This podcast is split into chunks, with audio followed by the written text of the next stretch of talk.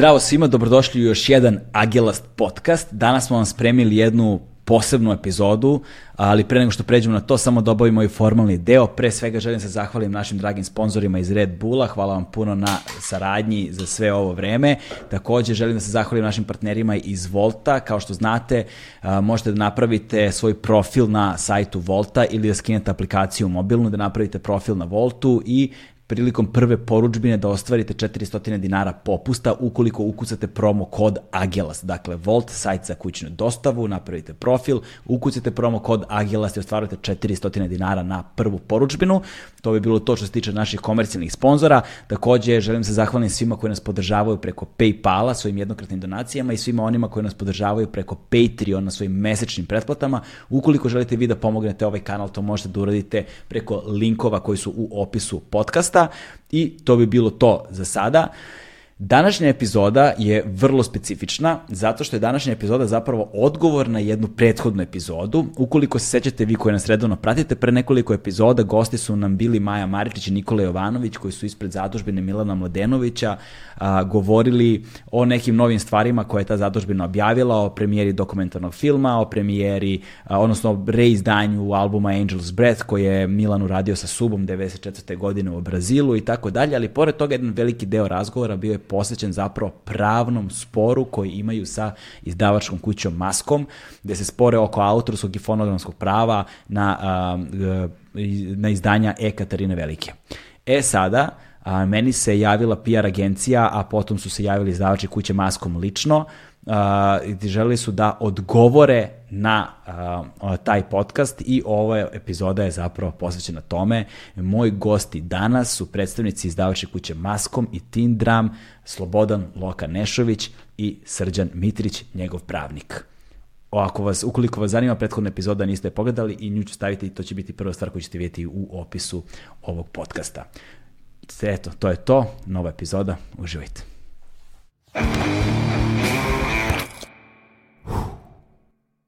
Hmm.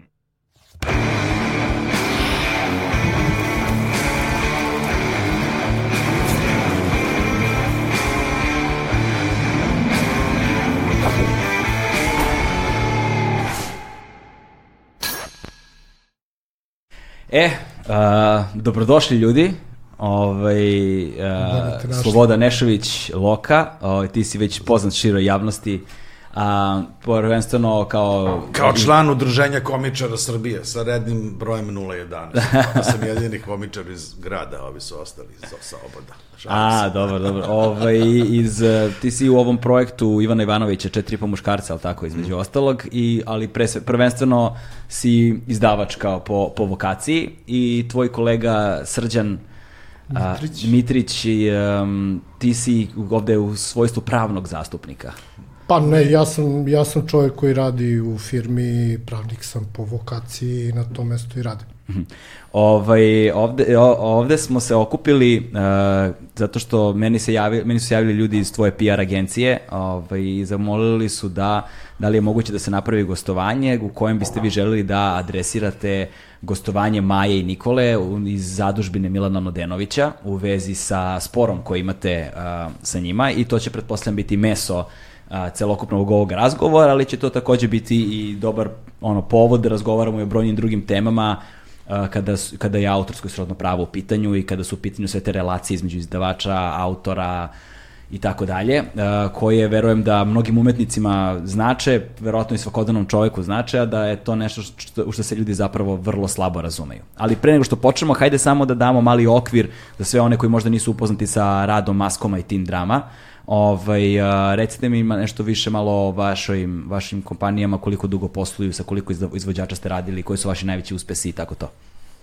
Uf, čekaj prvo da ti pokladnim knjigu. Evo ti izvoli. Hvala. Ovo je jedna vrlo značajna literatura, to je e, biografija, autobiografija Simura Stajna, osnivača Sire Recordsa, knjiga koju sam ja sa zadovoljstvom preveo, inače o, on mi je prijatelj, da, on mi je prijatelj, ali je što važnije meni je bilo vrlo bitno da jedna takva knjiga bude prevedena na srpski i pošto u njoj ima mnogo, mnogo zanimljivih stvari vezano za razvoj diskografske industrije, razvoj preduzetništva u poslednom periodu, A inače, Sire Records je čuvena etiketa koja je praktično na Da. svojim plećima izgleda ceo punk. Pa ne, Američki, da- to je Ramonsi, pa nadalje. Ovaj, Znam da tako je, da, da su Smici bili isto, tako, i je to, da. Smici, Ramonsi, i Talking Heads i ne, da ne nabrajam, do, do Lurida. A, vrlo je zanimljivo štivo i jako je zanimljivo s aspekta ovaj, razvoja muzičke industrije i odnosa u okviru muzičke industrije, što će biti između ostalog i naša tema, tako da, Da. preporučujem Hvala ti da puno. pročitaš, mislim da, će, mislim da ćeš uživati. Dobro je. Hvala ti, hvala ti puno. Nema na čemu. E, sada ovaj, o Maskomu i Tin Drum. Pa, Maskom postoji preko 20 godina. Mm, Ja mislim da, onako, s ponosom mogu da kažem da smo najveća privatna muzička kompanija u ovoj zemlji. Po ovim parametrima koji se broja, to je godišnji turnover i katalog koji se zastupa. Nemamo nikakve veze sa nikakvim medijima, nismo prilepak nikakvih medija, isključivo se bavimo a, proizvodnjom i plasmanom muzike, intelektualne svine i u tom smislu Ovaj, vrlo sam zadovoljan sa prethodnih 20 godina, verujem da će da firma po- postojati kada je više ne budem bio u njoj, tako da ovi procesi kome se mi bavimo, između ostalog i ove ovde koje ćemo pričati, imaju neku neku dugoročnu strategiju da se napravi zdrav pravni okvir za, za ovaj biznis i da se znaju granice dokle i kako treba da se ulaže, tako da ovaj, u tom smislu ne znam šta bih ti više rekao, Da. mi imamo puno uspeha, mnogo više neuspeha kao i svaka diskografska kuća, pošto ne znam da li tvoja publika zna i ti da preko 90% albuma koje se ikad objavi budu flop, odnosno ne povrati investiciju, tako da je cela ova industrija živi od 10%, odnosno od 2-3% onih super uspešnih, tako da mi kontinuirano, kao bih rekao, rastemo, tako da je, ne mogu da izdvojim nešto, nešto Da. posebno, čime bi sad morao da kažem. Čekaj, to pre bile- Maskoma je bio automatik ili tako Pa, nešto? mislim, ne, firma se uvijek zvala Matska matematika, bio je etiketa, mi smo imali neku, neku ideju da imamo više etiketa, automatik bio je Tilt, koji je bio prva hip-hop etiketa. Ovaj, Sećam smo- se toga. Tu smo bili vrlo aktivni, ovaj, još od ono, ranih 2000-ih praktično smo objavljivali prve ovaj, hip-hop muziku i sad smo nastavili sa novom etiketom koja se zove Honey Money Gang koju smo osvali ove godine koja dosta dobro radi pod rukovodstvom Strukinim, on vodi to. Mm. Ovaj, ovaj, mi smo s njim tu u partnerstvu, tako da neko, ne znam, bitni albumi iz 90. godina sa oružjem protiv otmičara iz 2000-ih je naravno Beogradski sindikat, Negativ, Puh, ne mogu ja Da. da. više da se setim, ima preko da ima, ne znam, katalog Dobro. ima preko 500 izdanja, tako da... A šta je, a šta je Tin Drum? Pa Twin Drum je naša publishing kompanija, odnosno kompanija koja se bavi administracijom autorskih prava i srodnih prava, ona je više administrativno krilo ovaj našeg biznisa, jedan deo je naravno marketing, A&R, promocija i plasman, a drugi vrlo bitan deo mm -hmm. ovaj, cele naše ovaj, male mašine je administrativni centar, a to je Tindra Music, on je praktično publishing kompanija koja se bavi administracijom autorskih prava. Da. I ovaj, mislim da ima najveći domaći inostrani katalog u zemlji sa preko 2 miliona dela koje administrira na dnevnoj bazi, što je vrlo zahtevno sa aspekta administracije i u tom smislu je to po, jedan veliki posvećeni tim ljudi. Firma ima, preko, ima 30 zaposlenih, tako da je, ovaj, rekao, već smo negde tu bl- bliže ka srednjem preduzeću i Da. u tom smislu čini mi se da smo na neki način lider na tržištu, što nam s jedne strane prijatna uloga, s druge strane može da bude i neprijatna, jer svi bi da budu na tom mestu. Da.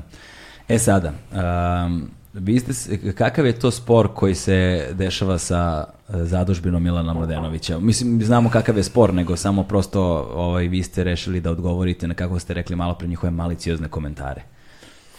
Da. Pa evo ja ću... Ovaj, Ajde. Da, da, hvala. Ovaj, najpre hvala na prilici da se to iznese i nažalost nije spor, nego više njih. Tako da je u pitanju prul, plural, plural pardon. Ove, m, pa mislim da, da bi se najbolje shvatilo o čemu se zapravo radi, da je potrebno da iznesemo malo genezu, malo istorijat kako šta se dešavalo. Znači, Hajde. ono što smo imali prilike po javnosti da gledamo zadnjih par godina, uh, u poslednje vreme intenzivno vezano za nas, jel? Ovaj, a ovaj, kod tebe u emisiji isto, zapravo u podcastu, kada su predstavnici zadužbine bili ovaj, gosti, kada si ih ugostio, ovaj, je uh, postavka stvari sa kojima se mi pre svega ne slažemo mm -hmm. i a to je da je zadužbina Milana Mladenovića, znači sada verovatno će ovo delovati malo šokantnije, znači uh, narativ je da je osnovano po volji Milanove majke, mm -hmm koja je to ostavila nalog uh, u testamentu da se to učini i da su oni jedini zakoniti nosioci Milanovih prava i tako dalje. Dobro. Međutim, to nije tačno. Uh mhm. -huh. Na znači, čega? pa evo, ajde za početak, ovaj, evo mi ovde imamo testament Milanove majke, uh mhm. -huh. u kome kaže uh, mojoj sestri, pa sad ajde da ne imenujem, Ostavljam autorska prava mog pokojnog sina Milana Mladenovića, te se ona mora pobrinuti da se osnuje fondacija uh mhm. -huh. koja će nositi njegovo ime prema našem dogovoru. Dakle, to je sve što je vezano za celu ovu priču, ovaj, što može da se poveže sa ovom pričom ovaj, što je sadržano u testamentu. Uh, pre svega vidimo da se ovde govori samo o autorskim pravima, znači oni se povezuju, ovaj, nikakva interpretatorska ili bilo koja druga. Dalje, ono što je jako važno u pitanju je fondacija, a ne mhm. zadužbina. Dobro. I to je napisano sa velikim slovom F, što onako poprilično, poprilično jasno mm. ukazuje da, da ovaj, je to bila namera. Uh, I ne spominje se bilo kakav prenos dalje tih prava tom nekom. Da, ali, ali pazi, samo sad, o, tu imam nekoliko pitanja. Prva stvar je koja je razlika među fondacije i zadužbine? Koliko ja znam, ne postoji nikakva razlika osim toga da zadužbina treba da bude osnovana sa početnim kapitalom, a da fondacija bez. E pa vidiš, tu je, možda se baš o tome i radi. Uh mhm. -huh. Ajde ovako da postavimo. Dakle, suštinski uh, njih reguliše jedan zakon, znači trudit ću se da stvarno da pričam što okay. manje pravnički, što više ono da, uh mhm. -huh. da ovaj, da nestrukovna javnost e, može da shvati, te se izvinjavam okay. strukovnoj jel? javnosti. Ove, a, dakle, dakle, da, znači svi ciljevi koji se mogu postaviti jednoj zadužbini a, se mogu kao nešto zbog čega se osniva, se mogu podjednako postaviti i fondaciji. Mm -hmm. a, upravo je razlika u ovome što si ti naveo, a da. to je da a, je obavezno da zadužbina ima određenu osnovnu imovinu, mm -hmm. a, dok za fondaciju a, fondacija nema osnovnu imovinu. Dobro, ali kakve to veze ima sa, sa, sa ovim sporom u suštini? Evo sad ćemo da ti kažem. Znači, ima veze pre svega sa, sa ovi činjenicom da je sve rađeno po nalogu, po nalogu odnosno po volji da. Milanove majke. Dakle, nije. A, prosto ovde, znači ako ti možeš kroz formu fondacije mhm. -huh. da štitiš lik i delo, što je jako afirmativno i jako pohvalno, za svaku pohvalu da, da se tako neko preuzme tog mhm. -huh. posla, jer mislim da Milan to zaslužuje i svi mi uh -huh. to mislimo. Ove, ovaj, a, to si sve mogao u skladu sa nalogom koji je dobijen od m, pokojne majke Milana. Dobro. Znači, A, to je sve moglo i kroz formu fondacije. Mm -hmm. E sad, dakle, nije poenta u liku i delu, jel, jer to može i ovako i onako. Poenta je zapravo u imovini. Mm -hmm koja nigde ne stoji da treba da bude preneta i da to bude, kako oni kažu, vlasništvo za Da, ali ja i dalje, ja i dalje ne razumem, uh, žena je dala svoj testament koja je imala, ne znam, 85, koliko je godina imala žena kada, pre nego što je uh, preminula i u svom testamentu je rekla fondacija, ne zadužbina, mislim, ja nisam znao do juče razliku među fondacije i zadužbine. Ne možemo sada, znači, ovo su pravno-formalne stvari, ne, ne možemo da se držimo formalnosti kad nam odgovara, a da, da da tumačimo to kako god želimo kad nam okay. odgovara. Ako piše Ali da li je, fondacija, da li je... onda je fondacija razlika u imovini. Mislim, to je bih rekao, vrlo bitna stvar. Ako ti kao snivački kapital u nešto uneseš nečiju imovinu, što je ovde intelektualna svina, nasleđena autorska prava, deo imovinskih autorskih prava za Milana Mladenovića, to je pretpostavljam sređene su, suštinska radniska u odnosu na nešto što je zadužbina, jel? Tako je. Pa, e, na kraju krajeva, ceo, ceo ovaj, ti znaš da A, Nenad Milovanović je istaknuti član upravnih organa, ovaj, on je po profesiji advokat i oni mm. iskoordinisu celu tu, a, celu tu proceduru, prijavu je podnosio on i tako dalje ovaj, za osnivanje apsolutno je on znao o čemu se radi. Mislim, da. ne možemo da kažemo sve jedno. Da li je on bio advokat, da li on bio advokat koji je vodio testament?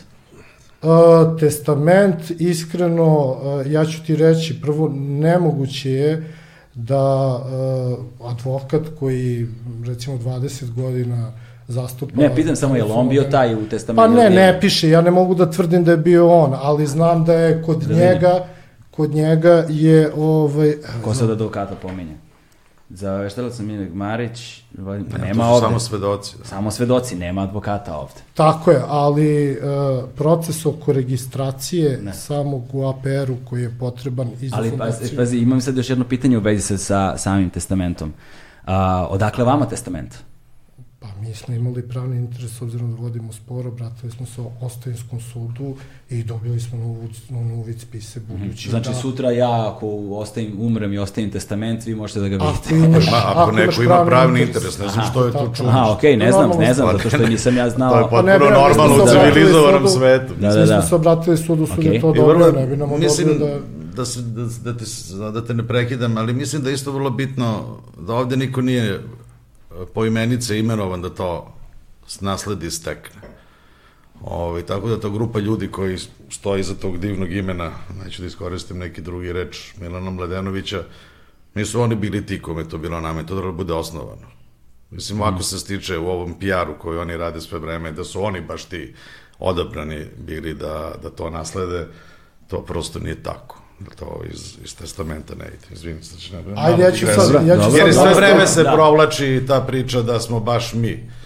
Da, jedini pravi, jedini da. zakoniti nosioci. Ovo mogu da e bude e sad, bilo ko. Pa da, ali koliko, koliko sam ja razumeo, uh, Milano, uh, volja Milanove majke jeste bila da se celokupna prava os, uh, prenesu na zadužbinu, odnosno fondaciju ili zadužbinu, ali ja tu i dalje ne vidim ali neki veliki... Ali si to shvatio iz njihovih... Uh, ove... Pa da, ali na osnovu tog testamenta, mislim, znaš, pa, isto, znaš, to je meni... Gde si da- našao taj deo da oni trebaju da znaš, budu pa, nosioci? Ne da oni, nego da se osnuje fondacija koja će da ko će bude... Nosi ko će njegovo ime. Ko će da nosi njegovo ime, tako je, da, i, I? koja će da bude ostavljam autorska prava mog pokojnog sina Milana da se ona mora pobrinuti da se osnuje fondacija koja će nositi njegovo ime. Da. Pa i, ali pa imovina, de, a prava, prenos da nose ta prava i ostalo. Nigde ne se ne kaže da, da ta prava treba da se ne prenesu na tu novo osnovanu organizaciju. Mislim, to, to je, ne piše. Ja ne to, je, to je činjenica, nebitno je li zadužbena ili fondacija. Ajde okay. samo da ne interpretiramo Dobro. stvari, vrlo je bitno da... To piše. Ajde sada da vidimo samo da prosto ovaj dijalog usmerimo na način ne šta sam čuo, šta je neko rekao, nego šta piše. Znači ovde ne piše da se izvrši prenos tih prava u korist Tako je, mislim, vrlo lako je Dobro. moglo to kroz formu i da ona bude vlasnik prava, okay. na primjer. Okay. Ali to ne piše. Znaš, ali okay. to ne piše, mislim, jednostavno tako. Druga stvar koja je mm -hmm. jako interesantna gde kažemo da oni zapravo i nisu nosioci prava za ona, onako kako se predstavljaju, je to da smo baš, uh, i to sad ulazimo u neki istorijat tih sporova i koji se vode između ostalog i pred sudom. Ovaj, uh, Imamo situaciju, dakle, da je baš u ovo vreme, pre godinu dana, mm -hmm. a, došla inspekcija na inicijativu a, Milana Mladenovića, zapravo, pardon, na inicijativu zadružbene Milana Mladenovića, koja nas je prijavila kako mi prodajemo piratske nosače zvuka, CD-ovi i ploče. Dobro. A, grupe Katarina Velika i kako time vređemo njihova autorska prava, čiji su mm -hmm. oni nosilac. I oni su nas prijavili Ministarstvu za trgovinu koje je donelo rešenje da se izvrši inspekcijski nadzor i da se oduzme ovaj, ta privremeno oduzme ovaj, ta roba konkretno, znači nosači zvuka.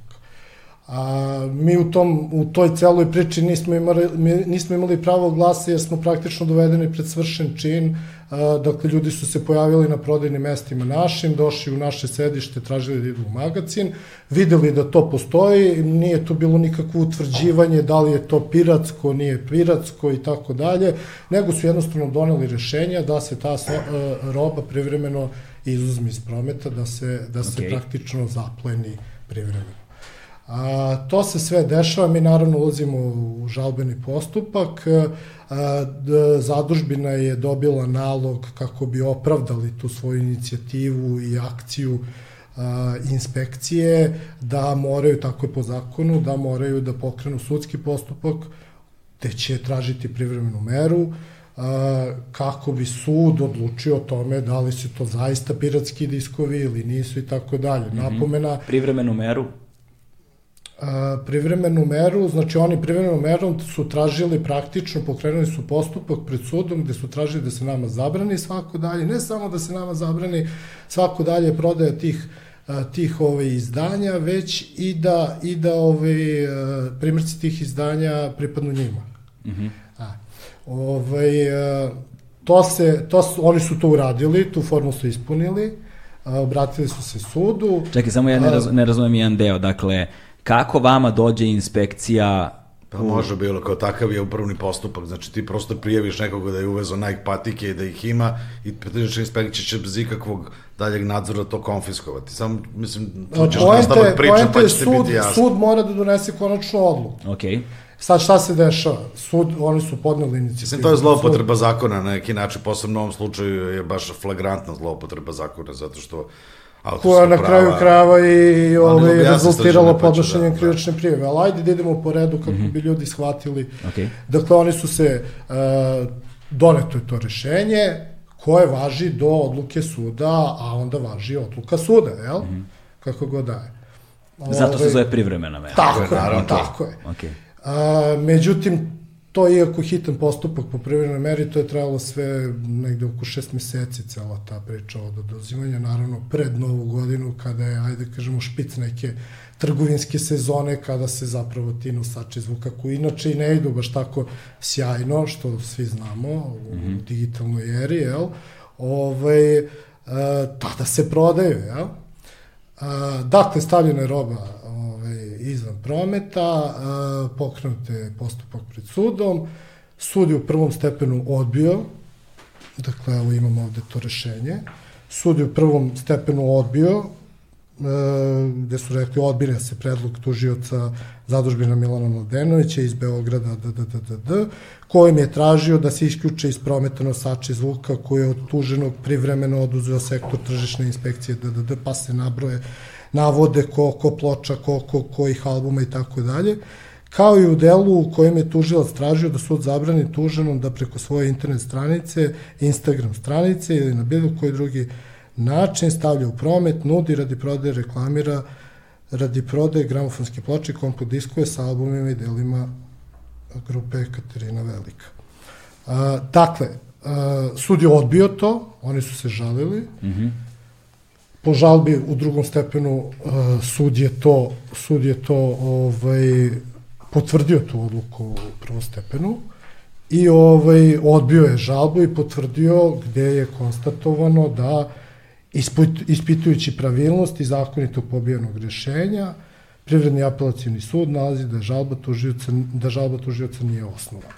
Dakle, kao razlog, ono što je najinteresantnije, zašto je došlo do odbijanja toga, je to da zadužbina Milana Mladenovića ne samo da nije dokazala da je nosilac prava autorskih zbog koga je celu ovu stvar pokrenula sa inspekcijom, već čak nije ni učinila verovatnim da je ona nosilac tih prava, da je njihovo pravo povređeno. I Zar nije to nešto što tek treba da se reši na sudu? E, tako je, pazi, znači privremena mera postoji, e, postoji dalje spor koji se radi, ali činjenice ostaju iste. Znači ovo je pravnosnažna odluka o privremenoj meri koja je ona pravnosnažna i konačno odbijena. Ono što je vrlo bitno, mislim, ako mogu sad na, na laičkom nivou da, ovaj, da nešto kažem sa aspetska diskografija, pa će srđe nastaviti, uh, ideja da se nešto poglašava piraterijom, ako si nosio autorskog prava, je prvo, kako bih rekao, jedna zlonamerna akcija, drugo nije u skladu sa zakonom i ozbiljno je ovaj, uznemiravanje drugih ovaj kako se zove ne, čekaj, doći ćemo, ne, doći ćemo, doći ćemo do toga šta pa ne, je piraterija, šta, šta pa su... Ne, ono, evo, ja ću ovde da ti objasnim. Znači, jedan, jedan jedini način po zakonu u Republici Srbiji i u svakoj drugoj zemlji u Evropi da se ostvari autorska prava je kroz kolektivnu organizaciju. Osim ukoliko se ti iz kolektivne organizacije ne isključiš. -hmm. Znači, autorska prava u slučaju prometa fonograma se ovaj, kako se ove stvaruju tako što se ti učiniš u Sokoj, što je ova ovaj, organizacija i uradila i preko Sokoja prikuplja svoje tantijeme. Okay. Diskografi stavljaju u promet nosače zvuka tako što imaju potpisan ugovor sa Sokojem i Sokoju plaćaju autorsku naknadu. Pravni sled postoji, to je pravni okvir, to je pravni okvir zakona o obligacijonim odnosima, pravni okvir zakona o autorskim i srodnim pravima je to jedini mogući način da se ostvaruju autorska prava, odnosno jedini mogući način da se fonogrami stavljaju u promet, u, kako bih rekao, ajde sad pričamo samo o ovom nosaču zvuka. Evo, ja ću- Znači, u tom smislu, izvini, ako si ti preneo pravo na soku da ostvaruje tvoje ime, ti ne možeš da zlopotrebljavaš to pravo i ponovo da tražiš da se da ga ostvaruješ individualno tako što ćeš prijavljivati nekom nešto da radi piratski. To nije piratski ni po kakvom, ni po jednoj definiciji. Mi imamo ugovor sa Sokojem, oni imaju ugovor sa Sokojem. Autorski Da, prava čekaj, se znači, znači ostvaruje ko, samo ko, na jedan znači, način. Ko, ko zarađuje, ko ostvaruje autorsko pravo od EKV-a? Ko ostvaruje novac? Ko, ko Ajde dobija ovako, novac? ja ću... Čekaj, ko dobija Ne, ne, novac? Polako, od, daj sad, ovde je vrlo bitno. Šta Dozvoli, od DKV? Ovde, ovde, Znači, znači od Ekaterine Velike, Mhm. od prodaje izdanja, ko zarađuje novac? Svi. Nosioci prava na Svi nosioci Da. prava. Ali U, polako, ovom- u samo ovom trenutku ko to zarađuje? Ko je to? Svi koji su nosioci prava. Tako je, svi koji su, znači ja sam ne znam, zavisnosti od pesme do pesme. Znači svi koji su koautori na delu. Mislim, ta paradigma da neko nekom uh, nešto ne plaća i da nije, znači, uh, Sokoj, uloga Sokoj u ovom društvu, ona za to ima zakonsku licencu, odnosno državni monopol je da prikuplja autorsku naknadu i da isplaćuje nosiocima prava. Ne postoji drugi način. Svaki drugi način je protivzakonit. Ti ne možeš samostalno da ideš u krštaški rat i da ostvaruješ svoje Okej, prava dakle, kao muzičar. Da li, zaduž, da li zadužbina ostvaruje neka prava? Naravno. Da dobija novac? E sada, to je sad A pitanje vi- osnova, sad je pitanje svako, osnova. ko, svako dobija, ne razumem, ne znam šta je tu, Ne, šta je tu se. kontraverzno. Znaš, ne, ne, ne, ne. Ovo je biznis, nije... Dozvoli, dozvoli, dakle, znači, e, pitanje je da, znači, bilo je ta tema izneta o blokadi i tako dalje. Mi smo sudskoj odluci obavestili Sokoj, da je njima osporeno i da je u sudskoj odluci koja je pranosnažna, a, ovaj, ukazano da oni, ne samo da nisu, nego da nisu ni trebali da zaključe ugovor sa Sokojem,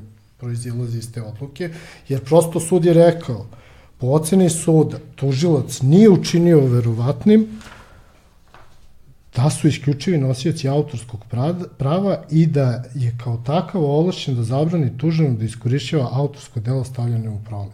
Znači oni nisu dokazali da su oni nosioci autorskog prava kao tako. Samim ti se u, ovom, dovodi u ovom konkretnom uzitno- slučaju, u ovom konkretnom slučaju kada je bila prijava za pirateriju, je li tako? Tako Ne, je, naravno, ali pa i u samim tim svakom se izvodi... A zašto je znači, onda, čemu onda ide, a šta treba da utvrdi suđenje koje će se desiti? Sud, oni dalje, oni i dalje tvrde, to je privremena mera vezano za same nosače zvuka. Oni su dalje tražili da se utvrdi da je njihovo pravo povređeno i tako dalje. Oni su zapravo svu argumentaciju i svu dokumentaciju koju imaju već iznali, to je dokumentacija na kojoj se zasniva zapravo i odluka o tome, tako da mi, Mislim, da ajde, nećemo prejudicirati Da budemo laički spora, potpuno jasni, ovo je vjerojatno bitno i za, za, za ljude koji ovo slušaju. Znači, koliko ste autor ili nosioc autorskog prava, što je vrlo bitno, mislim da je bitno da se kaže da je nosioc autorskog prava i autor izjednačen pred zakonom. Autor i nosioc autorskog prava su potpuno izjednačeni pred zakonom. Mi kao nosioc autorskog prava po imovinskom delu autorskog prava apsolutno imamo ista prava kao i autor. To se ovde vrlo red, često ovaj, taj balans ide u pravcu autora, pošto su oni, jel, to napisali onog trenutka kada oni ta prava, da kao kažem kolokvijalno, prodaju nosiocu prava, ona više nisu u njihovoj državini ili u njihovoj svojini. I zakon izjednačuje onoga ko je kupio autorsko pravo sa onim koga je proizveo. Ima drugi deo prava, ko su moralna prava, koja govore o tome da autor uvijek to u tome treba da bude prepoznat. Znači, cela ova priča autorska prava i to, ako neki mladi kompozitor ili tekstopisac želi da ostvaruje autorska prava, njegova jedina destinacija je Sokoj. I cela ova, ovaj, kako se zove, ceo taj narativ o Sokoju kao nekome ko ne radi dobro svoj posao, ko nije dobar i ko je, o, ko je jedini razlog što autori ovaj, ne primaju zadovoljavajuće naknade, prosto nije tačno. Ja svakom autoru preporučujem, jer nema drugi način. On sam da ostvaruje prava ne može. Mm -hmm. On treba da ode u Sokoj i da se tamo upozna sa načinom na koji može da ostvari Dobro. imovinski deo svojih prava. Mislim, to je vrlo bitno. I vezano za ovu priču, onog trenutka kada je neko ko se predstavlja kao nosioc prava, mi smatramo da nije, ali Soko je pristao da potpiše ugovor sa njima. Mm -hmm. Oni na tad, tada su preneli na isključiv Pa, način okay, na prava na čega je Sokoj. Sok, samo sekund, na osnovu čega je onda Sokoj pristao da potpiše ugovor sa njima? Iskreno, Napravio je grešku.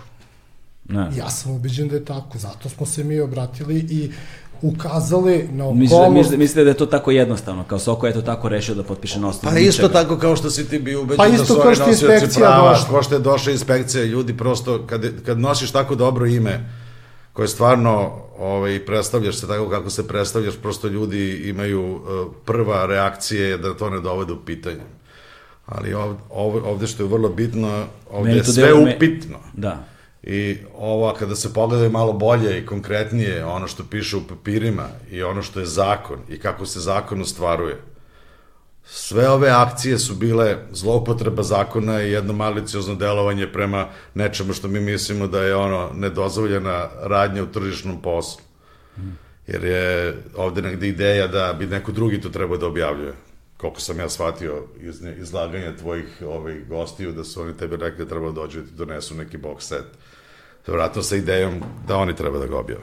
A, samo, samo ilustracije radi da bi ljudima bilo jasno nevezano od priče zadužbina mi i tako dalje. Čisto koliko a, a, treba gledati pravo, naravno nekada nije baš najrazumljivije svima, ali ono mora da se temelji na nekoj elementarnoj logici.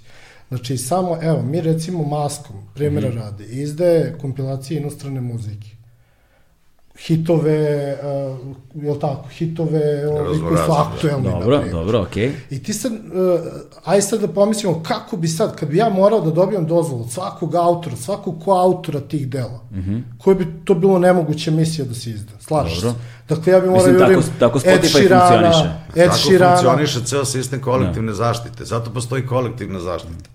Ovi biznis, mi izvini samo malo, bi bio nemoguć ukoliko ti mora ideš kod svakog autora da mu tražiš pojedinačnu dozvolu. Kako bi se objavljivale stvari? Kako bi, kako bi se stvari stavljale na Spotify? Zato postoji kolektivna zaštita. Ta prava se isključivo kolektivno stvaraju. Ne postoji, inače bi se sistem Okej. na kome počiva muzička industrija Dobro. raspao, ne bi funkcionisao. Dobro, to je to je jasno, samo da, da samo da ne skrećemo samo da ne skrećemo s teme. Dakle, koliko nekoliko puta su ovde pomenuti fonogrami. Tako je. Ovaj i stvar je u tome da ne bi trebalo koliko sam ja razumeo zadužbina da objavljuje, nego fonogram, vlasnik fonograma objavljuje, je li tako? Da, ali nema Tako je. nikako, ali, ali nema, vla, zar nije vlasnik fonograma PGP u tom slučaju? E, to ćemo To toga. Ajde tema. samo ovako, Ovako evo, to, je- to je tema, idemo redom. Okej. Znači, e, što se tiče, dakle, rekli smo, postoji odluka koja na direktan način ukazuje da oni nisu nosioci prava. Ajde da kažemo, u najmanju ruku je upitno da jesu. Mhm. Uh, čekat ćemo po Sudsku tužbi, presudu, da. odluku, presudu, tako je. Ja se iskreno unapred radujem, moram priznati, ali ajde, da ne budem tome. Sa profesionalne strane, Okej. ne ništa lično. Dakle, mi smo, e sada ima tu kao mi smo pretili, mi smo pozivali, slali mailove i tako dalje. To nije tačno. Znači, mi smo, kada smo shvatili da je nemoguće da ove sve stvari nisu poznate, na kraju krajeva, kažem, postoji advokat koji se bavi time, ovaj, koji je profesionalac, jel? Ovaj, uh, mi smo se obratili članovima uprave, ovaj, uh, dakle, ljudima koji sede u upravnim organima zadužbine, sa upozorenjem i sa pozivom, znači ukazali smo im na, na neke nezakonitosti, mm -hmm. da nam se roba stavlja mimo zakona van prometa i ukazali smo i tražili smo od njih da to otklone. Dakle, dali smo im priliku da se to reši, ajde da kažemo, na miran način. Pošto se to nije desilo, mi smo podneli preko sad našeg advokatskog tima ovaj, krivičnu prijavu ovaj, protiv pojedinih članova ovaj, zadužbine, odnosno organa upravljanja, jer jednostavno su nam naneli štetu, doveli su u zabludu organ državni koji je nadležan za te poslove, mm -hmm. u nameri da nama nanesu štetu, jer je to stavljeno van prometa. Okej. To je fakat da smo Dobro. pretrpeli štetu zbog toga i podneli smo krivičnu prijavu. Dalje je to ide svojim tokom, to je to je ovaj krivično delo koje se goni po službenoj dužnosti, dakle u nadležnosti je tužilaštva da sprovodi istragu i da to ide tako uh, svojim procesnim tokom kako je to za, ovaj, predviđeno zakonom. Sad što se tiče fonograma, ovo što si malo prespominjao, znači mi smo ovde uh, imali situaciju, na primer, da uh, de, samo u, tvoj, u tvom podcastu kada su bili gospodin Nikola i gospođa Maja ovaj, gosti, da čujemo jedno deset puta kako je nesporno da je PGP, evo i ti si rekao da je PGP nosilac prava. Pa mislim, ja sam Da. video te ugovore, zato kažem. Bravo, odlično. Evo sad Znaš, vidiš. u kojima stoji da je u njihovim sredstvima, njihovim sredstvima u njihovim Tako je, studijama snimljeno. tako je, tako je, A onaj stoji. ko je to uradio, E on je sad, nosilac fonograma. e sad vidi, jako značajna stvar, a ukazat ću ti nek, na neke okolnosti koje direktno zapravo oguljavaju celu, celu Mhm. stvar oko toga. Znači, e, pre svega, naravno da je dobro da imaš zaključen ugovor koji će potvrditi neke stvari, ali time što ćemo ti i ja da zaključimo neki ugovor, da potpišemo, se ne postaje proizvođač fonograma. A, proizvođač fonograma je onaj, kao što to Nikola jako lepo objasnio, ove, onaj koji je finansirao, organizovao i snosio odgovornost. Znači, neko koji je zapravo izvršio sve te stvari. Dobro. A, zaboravlja se okolnost da je u vreme kada, je, a, ovaj, kada su ti fonogrami nastali, da to nije bilo regulisano zakonom, a, fonogramsko pravo. Znači, to je Ono period... je od- uvedeno u pravosudni sistem prav, tek 97. 98. 99. 99, e. Osme. Tako je. Ok, ok, ali ono se retroaktivno tumači koliko sam Sve ja razumeo. sve da. to okej. sve to Dakle, onaj samo. ko je imaš podatak, proizveo, taj ima nosi, taj je je. nosilac prava. E sada, dakle, uh, mi imamo sada situaciju što je vrlo pod broj jedan neprimereno, da neko dolazi ovde i da govori kako je nesporno nešto oko čega se vodi spor pred sudom, tamo gde treba da se vodi. Ok, Dakle, to nije okej. dobro. Znaš, a, to je za početak. A, oni dolaze ovde i presuđuju, oni govore kao, aha, evo ga piše, to je to. Dobro. E sada, imamo situaciju, to je sport tačno je kao što su rekli koji se vodi tri godine. Međutim, umeđu vremenu se desilo, ovaj, nije baš da stoji u mestu tri godine, Uh, u međuvremenu je već jednom doneta uh, jedna prvostepena presuda koja je istina ukinuta, ali činjenično stanje je dosta nepromenjeno i A dosta koja je to prvostepena presuda doneta koja je ukinuta? Sad ću ti kažem, znači po tužbi RTS-a odbija se tužbeni zahtev Čiji? kojim je RTS. RTS-a kojim je tužilac RTS tražio da sud utvrdi da je tužilac nosilac, dakle RTS nosilac fonogramskih i imovinskih prava, odnosno da je nosilac prava na naknadu emitovanja emitovanja javnog saopštavanja fonograma na kojem je interpretator muzička grupa EKV i sad ih nabraja i tako dalje.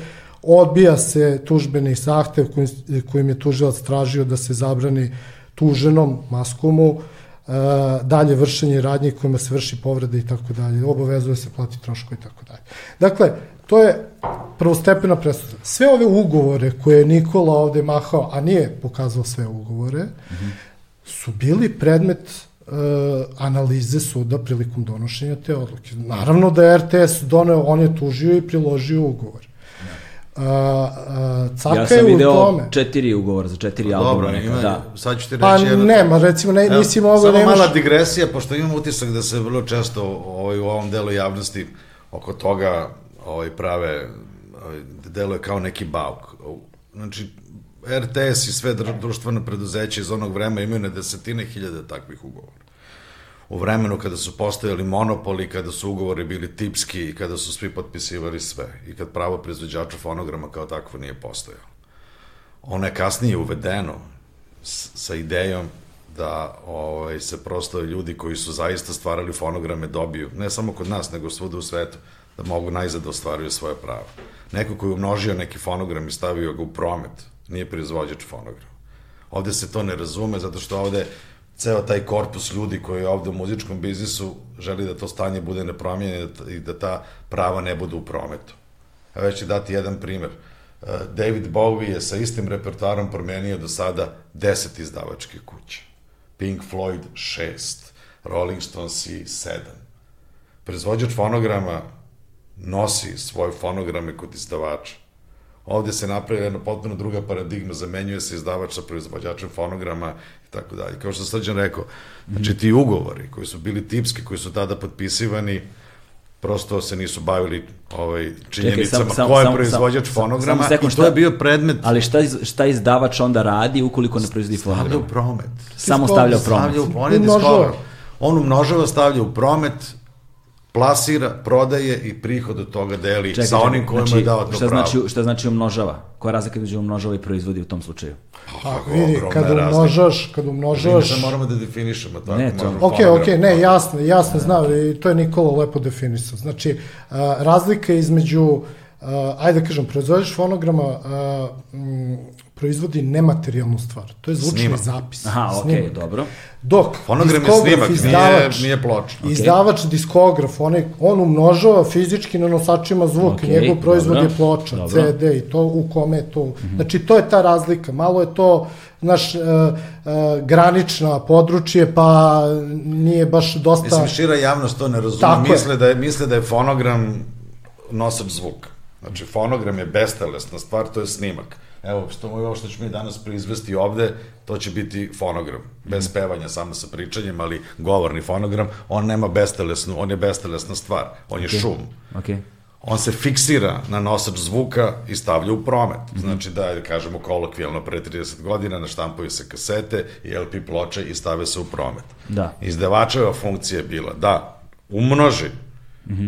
na vinil pločama i kasetama taj fonogram u x hiljada primeraka, stavi ga na tržište, reklamira ga, proda Sada- i taj prihod podeli sa E proizvođačem sad, na fonograma. osnovu čega vi kao izdavača kuća a, umnožavate fonograme E EKV-a? Ajde, dozvoli da.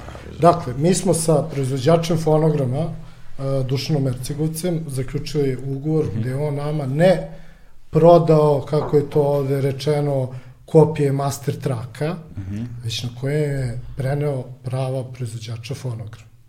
Ponovi, molim te. Preneo nam je njegovo pravo proizvođača fonograma na Ali kako je on snimcima. mogao da bude, pro, nosi pravo Kad proizvođača je to fonograma? PGP, je li tako? Pa da. Da kako? Nije, evo Pa vidiš ti što, opet... ali ako stoji u ugovoru PGP-a, da su on, u njihovim sredstvima, u njihovim prostorijama, to tako, snimljeni, To su tipski adekvatni. ugovori, dobro, ajde. Dobro, tipski, ali to stoji u ugovoru, Ajde je ovako, evo, vidim da je potrebno da ti obrazložim, znači rekao sam ti da se sud već time bavio i bavi se i dalje. Okej. Ajde samo Dakle, malo, da, sud to je je, vrlo bitno, znači Sid se time bavio, time, znači tom, tim, tom paušalnom ocenom tvojom i Nikolinom se sud već bavio. Ne, ne Došao kažem ja do da- zaključka, ne, ne. On je došao do zaključka da je Dušan Ercegovac nosioc prava proizvođača. Ajde samo da- da ti- čega, da ti a jel, jel, jel, jel, postoji ugovor između Ercegovca i PGP-a?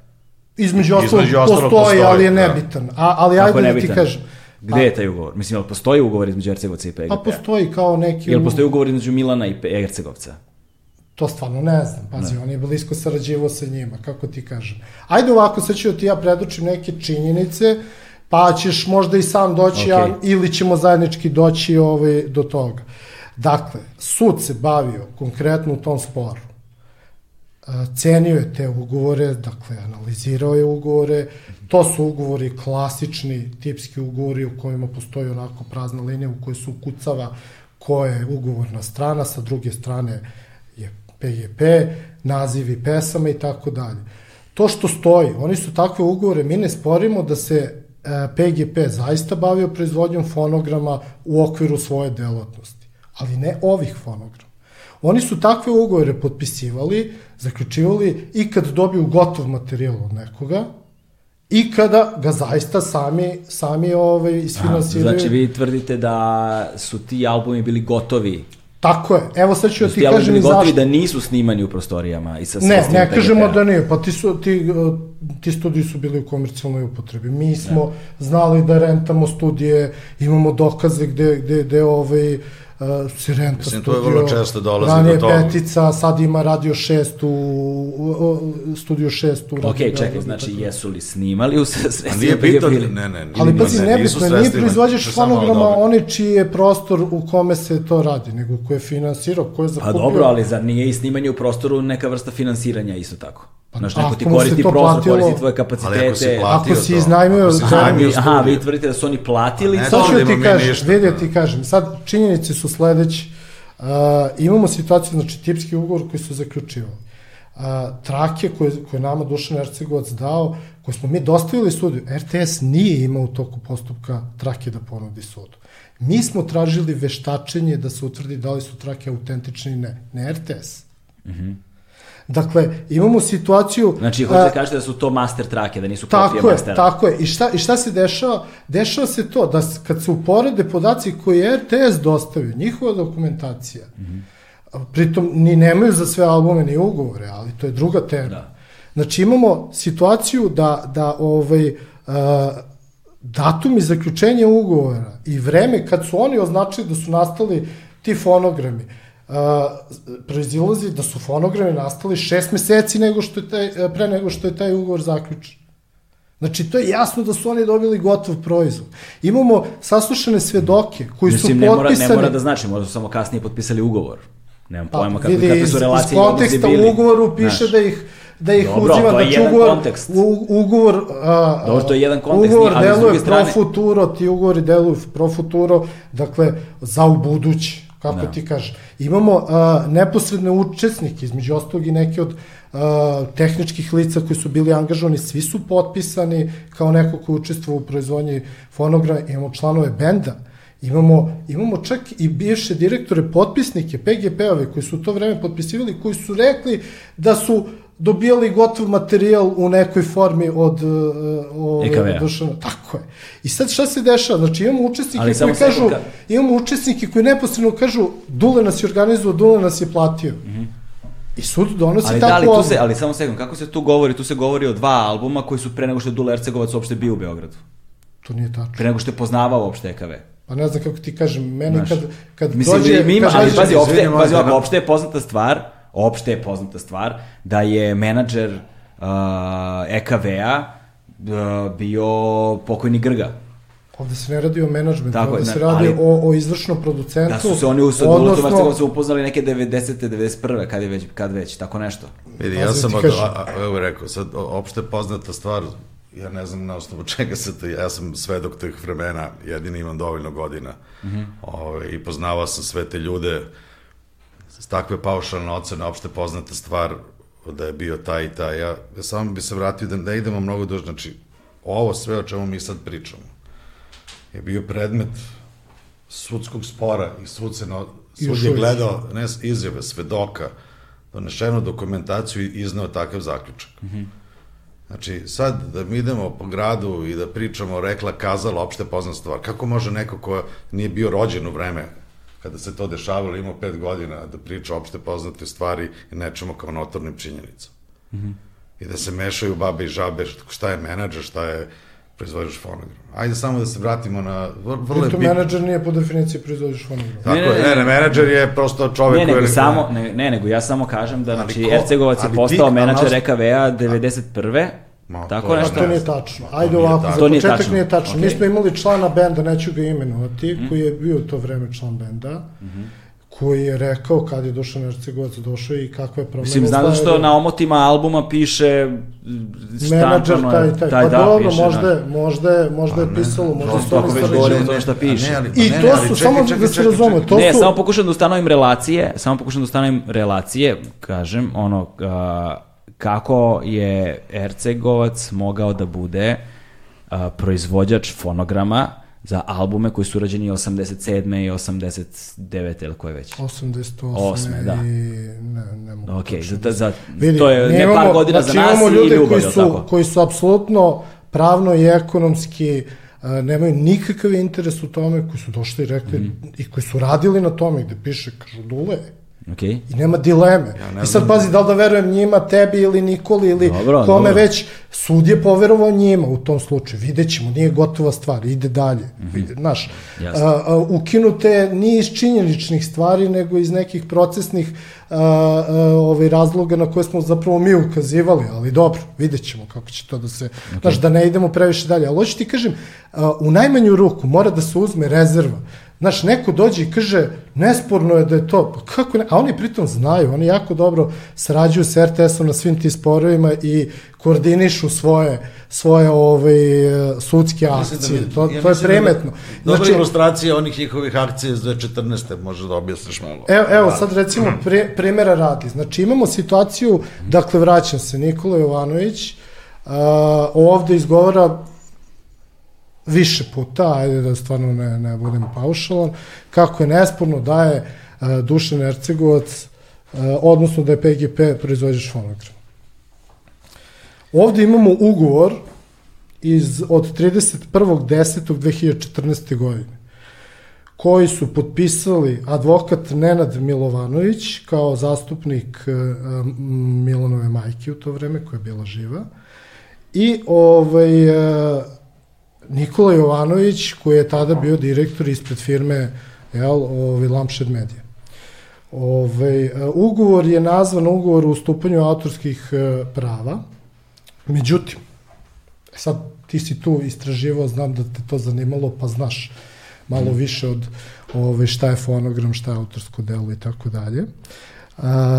I sada imamo situaciju da su oni još 2014. godine pod devizom uh, ugovora o ustupanju autorskih prava zapravo rasprolagali tim fonogramima.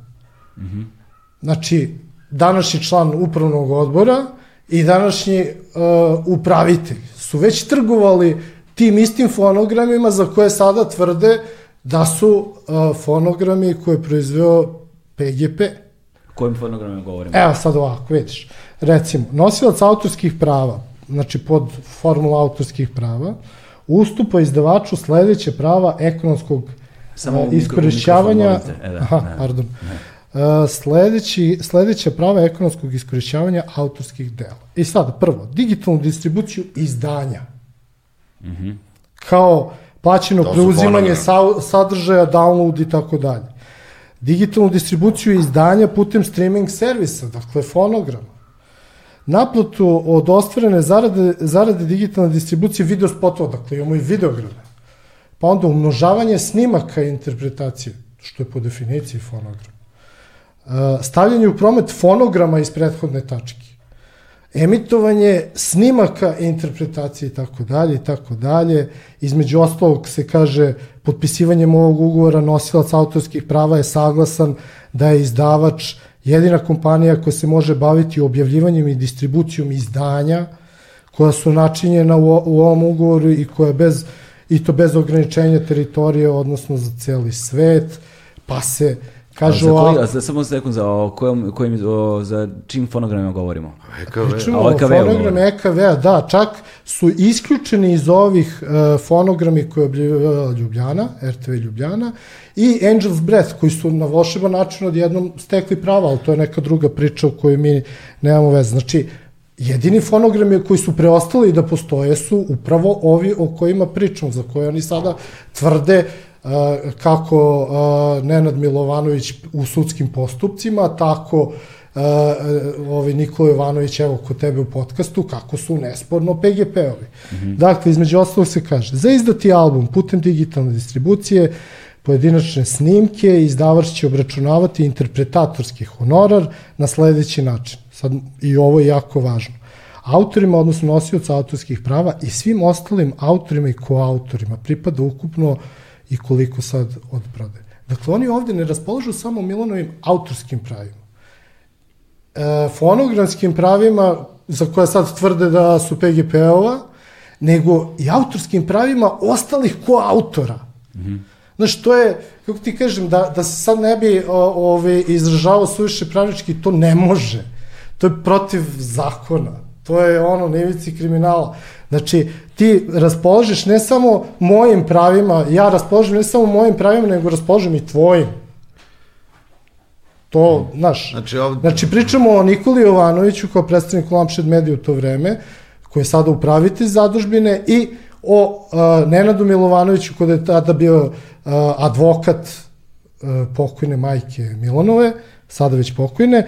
Znači, Imamo dalje, ukoliko postoji CD izdanje, nosiocu autorskih prava i ostalim autorima pripada toliko i toliko. Znači, opet on određuje koliko pripada i nekom drugom. I sad, ako ima uopšte dileme... Ako, ako određuje koliko pripada kome? Pa, ne može niko nigde da reći, ovo je zaista stvarno ovo je takva papazijanija da je prosto teško A sigurno da sada... ne oni, razumiješ, to je, to je poenta. Ali, vrlo. Znači, je, samo još jedno, ako postoji uopšte dilema, Da li se radi o fonogramu ne, on ovde izdavač, dakle u ovom slučaju Nikolina firma koja je tada bila, naplaćuje 30% od ostvarenih prihoda od prava javnog emitovanja producentskih prava, što e, e, ima pravo prikupljanja naknade od OFPS i sličnih organizacija a, ko je kao nositelj ovih prava i tako dalje i tako dalje. Dakle, OFPS se bavi regulacijom fonograma. isključio Da, fonograma, dakle, ne, ima kažem, pravo da Slušamo samo jednu laičku malu primetbu ovde, Srđana, ako mi dopustiš, mislim, ako si završio. Pa ne, ima još, ali, Da, ali- ali nebitno, suština je shvaćena. Dakle, jedna mala laička primetba koja se provejava kroz sve ove uh, PR nastupe ovih ljudi ovaj, koji nose to ime, Miranove zadužbine, je da oni nekako svojataju kompletna prava na EKV i na taj kompletan korpus, što se vidi iz tih namera kako oni razumeju svoju ulogu u društvu i na, na srpskom diskografskom tržištu.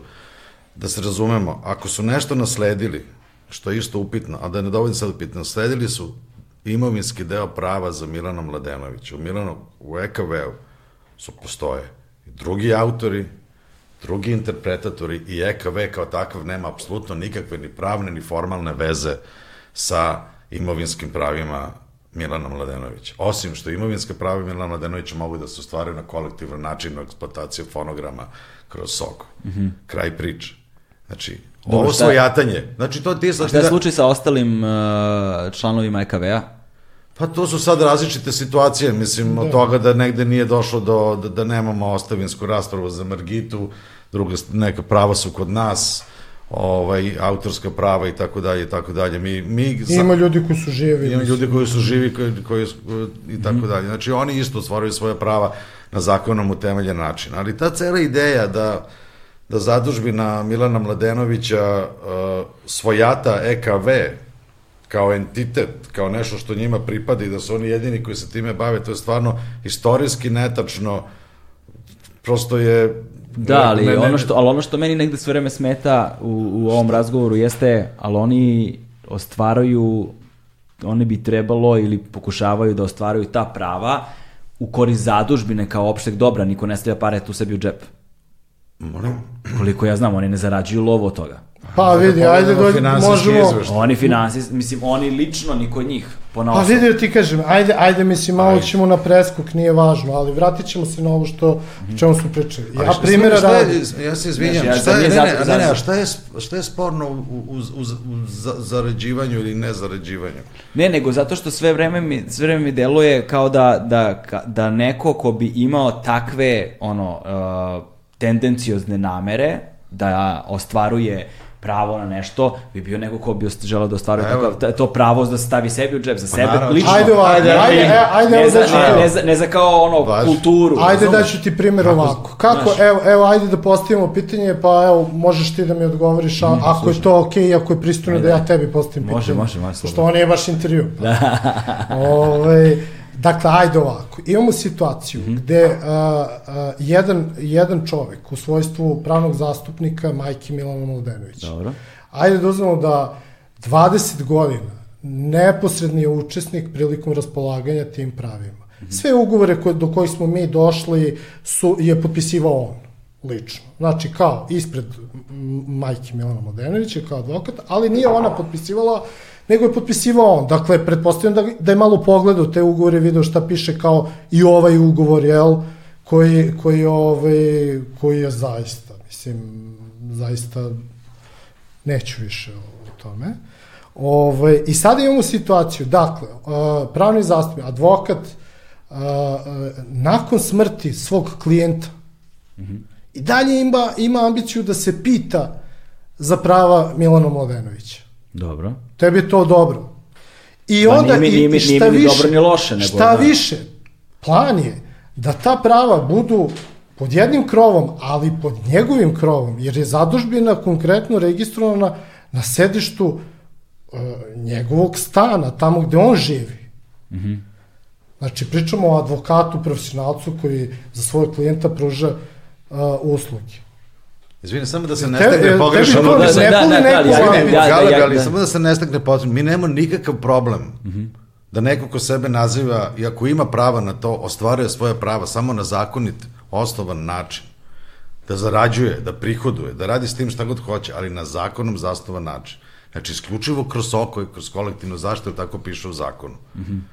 Ovo drugo je iznuda. Kad neko tebi dođe u kancelariju i kaže treba da mi platiš autorska prava, mi kažemo, ali ti imaš potpisan ugovor sa Sokojem i jedino preko Sokoja to možeš da ostvaruješ. Ne možeš da ideš, da mašeš tim papirima i da vršiš iznudu po pravnim licima, po kancelarijama, traži da se plati nešto, zašto nema I onda pravnog kažu, osnova. naj, naišli Izvinjavam smo na zid. Zašto nema pravnog osnova?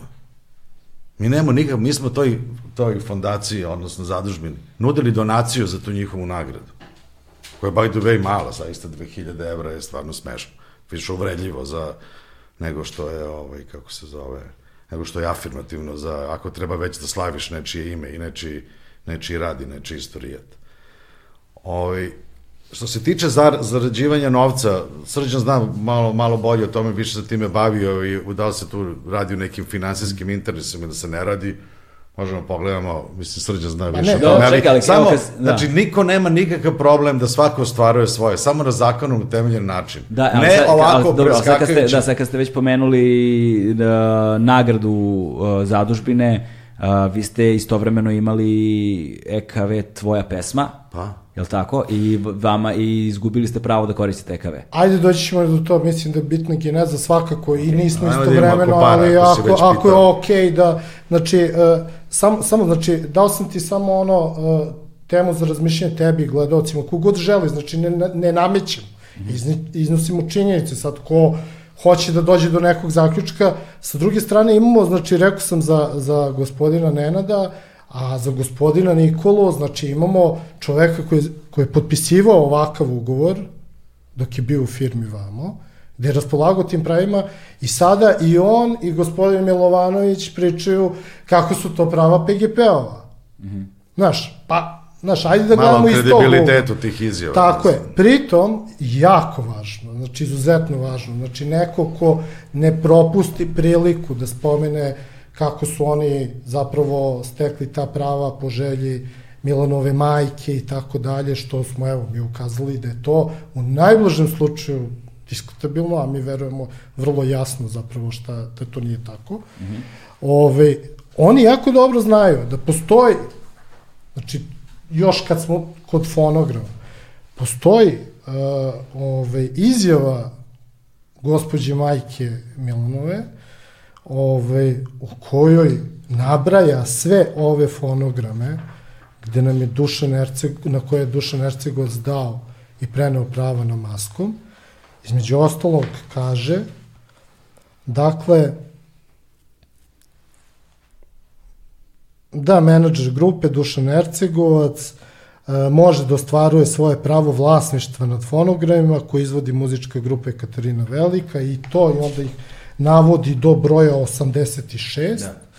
a koji su načinjeni organizacijama i sredstvima Dušana Ercegovca i koji je, i, e, za koje je isti snosio odgovornost za prvo snimanje zvuka, odnosno niza zvukova. Potpisano od strane Danice Mladenović. Znači, od majke na čiju se volju oni Pozivaju. pozivaju, i oni to znaju. I to je deo našeg ugovora sa Dušanom Ercegovcem, jer smo mi iz pijeteta prema umetniku i prema njegovoj porodici, ne iz obaveze, tražili da nam obezbedi i njenu saglasnost. Čekaj, ovo je izjava. Tako je. Nije, Potpisano, znaš, da. Pa da, ali Šta? samo sekund. Pisana izjava, šta, šta je sporno? Snosio da ponos prvo snimanje zvuka, odnosno niz zvukova na svim navedenim albumima, pa se shodno članu 125 zakona o autorskim srednjim pravima imenovani može ost- ostvarivati pravo proizvođača fonograma. Dakle, sad Dakle. ja kao lajk neki, kako je žena od 80 i nešto godina umela da kaže uh, shodno članu 125 zakona o autorskim ko, ja ne znam ljudi, ja ne znam, ja ne mogu ti nabrojiti prstene šake ljude koji znaju član 125 zakona o autorskim Tako je, pravima. ali, ali e, pored toga jako značajno je da je ona žena, tu postoji i opisni, Pritom, pritom, i pritom opisni ovde, deo, tako da, da je samo to... sekund, pritom ovde negde nema nikakvog datuma, nigde nije overeno, nema ništa. Dobro, vidim da si sa Nenadom imao Pa ne samo s Nenadom, nego, znaš, Dobro. brate, ja kad popišem nešto, znaš, valjda vidi, to je nesporno, vidi, mi da- nemamo nikakav problem da se to da Vidi, se mi to sudski problem, vi- ospori vi ste drugari, i da ti mi radiš sa njima, sve je to okej, ali ajde malo... Ali- da Ne, nismo ajde. mi drugari, Pa nisam kako ja- nisu drugari, ti radio sa Nikolom na MTV u godinama? Ajde ne, ovako, ja sam ajde ovako, kaži da, mi. radili smo Nikola i ja na MTV-u Pa, zajedno, da. Dozvolite, okej, nije, da. nije, nije važno, to stvarno ne bi da, da. ulazio u tu vrstu priče. Ali, ako imamo testament na koji se oni pozivaju, za koji su, podsjetiću, u tvom podcastu rečeno, kako su se iznenadili da nisu znali itd. Šta, itd. ponovi samo, izvini. da su se iznenadili kako je Milanova majka ostavila to baš njima i da su to čuli tek kad se tetka javila sa testamentom. Aha, tako je priča da, da, da, sestra njena, da, Danicina Tako je, sestra. tako je. Dakle, ti misliš da uh, testament ispod piše pismeno zaveštanje pre svedocima, što je zakonska formulacija kako u zakonu piše. Ja, taj, taj iz Beograda, ulica, taj, ta, mm. godina, toliko, pokretna, potpuno svesna, bez prinude i nagovora, želim da raz... Misliš da ovu formulaciju sa zaključkom da je testament sačinjen uh, u kompjuteru i oštampan, pismena sam, znam da čitam, Tako pišem, da. izjavljujem. Ti misliš da je to bez pravne pomoći moglo da bude napisano u ovoj formi? Nije, I nije. ti misliš da je iskreno bilo e, rečeno da su se oni, Bog zna kako iznenadili kad su to čuli i da nisu znali za testament? Da, ali mi ne možemo da znamo čije pravne pomoći kada ne stoji tu. Znaš, Advokat koji, da ima nekog, čovek znaš, koji se predstavlja kao njen advokat 20 godina, kako Aha, ti kažeš, znači ti- kod koga pod njegovim krovom Ali šta je zapravo? Znači, završavaju ne, ne, samo- ta ne samo prava. kažem, A ne šta sam- je sporno oko pravnih formulacija u izjavama koje su potpisane? I ovde je pravna formulacija. Pa zato što, zato što, kada je nešto, zato što kada je nešto pravno formulisano, onda to bude overeno i postoji nekakva pravna Pa, znaš. Ja ovde, na primjer, Pa na dobro, na svim ja- ovim pesmama, na svim ovim pesmama ne stoji ni trajanje, ni izdanje, ni godina, ni ništa, samo naslovi pesama. Pa to su, to su, to su imena fonograma. Kako Da. izdanje mora da Dobro, postoji? vidi, Galebe, E, Galebe, ajde ovako, ajde pa budemo realni. Ma ne, malo si indoktriniran, pa nisu Dobro, to formalno, ali vidi, vidi ti kažem, znači ovo nije, znači ne može da bude, ako bude sporno, mi nemamo nikakav problem da se veštači potpis. Okej. Znači nikakav problem. Pa ne, Znači, ali samo kad... ako dobro, je ona to okej, ali- napisala, okej, mora samo- da samo sekund, obzir. samo sekund, ali izjava, ne mogu, na primjer, ajde uzmemo ovako plastično kažemo. E, na osnovu izjave moje, znaš, ti ne možeš da prodaš moj auto, možda ga voziš. Mogu ti dam punomoće recimo da voziš moj auto, ali na osnovu toga ne možeš da ga prodaš. Znaš, fonogramska prava ti- mogu samo ugovorom da budu prenešena. Nismo Tako mi- je, tako je, a ne mogu, ne mogu osnivačkim aktom, što je jako važno. Pa mi nismo, samo opet se mešaju babi i žabe. Danica pokojna, nije nikad bila nosilac nikakvih fonogramskih prava. Tako je. Tako da sa njom ni nema Ok. ugovora. Ovo je izjava kojom se ona slaže da legalni nosioc prava, Dušan Ercegovac, može s tim da raspolaže. Mi smo insistirali, baš zbog ovih ljudi, insistirali da on ode i to pribavi. Mi sa tim, mi nismo ni Znači, formulisali molim vas, da to. se, o, sad se opet manipuliše i sad ljudi ne razumiju. Znači, Danica Mladenović nikada nije raspolagala, niti je Dušan Ercegovac, niti bilo ko, niti nijedna firma nije trebalo da potpiše nikakav ugovor sa njom. Derivat inter prava proizvođača fonograma uopšte ne potiče od Danice Mladenović. Okej, tu se Molim vas, slažemo, da. Znači, u tom smislu, se tvoja opaska Da. da na osnovu ovoga nešto ne može se kupi. A nije, nije Dobro, ali tačna. čekaj, ne, dobro, okej, dobro, ne dobro, može, koja- i pa nije ne ne može, može ali koja je niti- funkcija, koja je funkcija onda te izjave?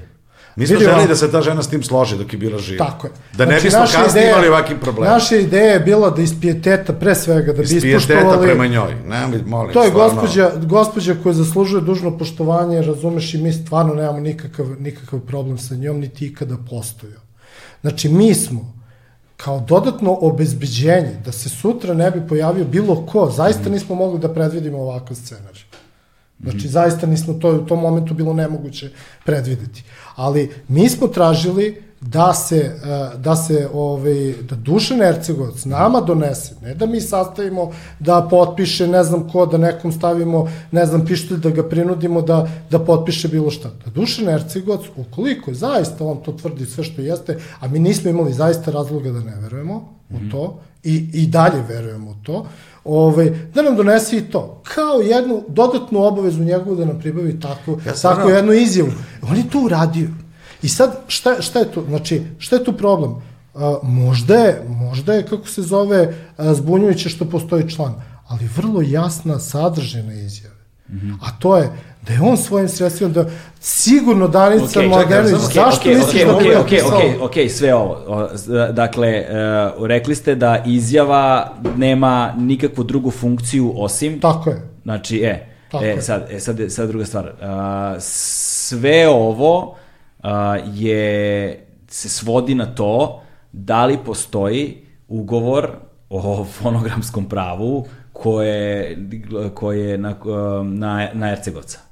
Dakle, da li je u Ercegovac negde ne sa nekim je potpisao neki Ajde, ugovor? ja ću da ponovim ono što sam ti ajde, rekao. polako. Znači, kako, znači, znači, kako, kako, znači, samo se, ka, šta, na osnovu čega dokazujemo da je Ercegovac bio taj koji je bio nosilac prava. Znači, ajde, Ajmo ajde sad da- samo da, ako ja mogu jednu stvar samo da kažem pre nego što krenemo ponovo u to dokazivanje, sud je to dokazao, ne znam šta, mi gde- ovim daj mi stolom. daš, A de- što- Ili ima papir da sud kaže da je Ercegovac nosilac prava? Pa ima.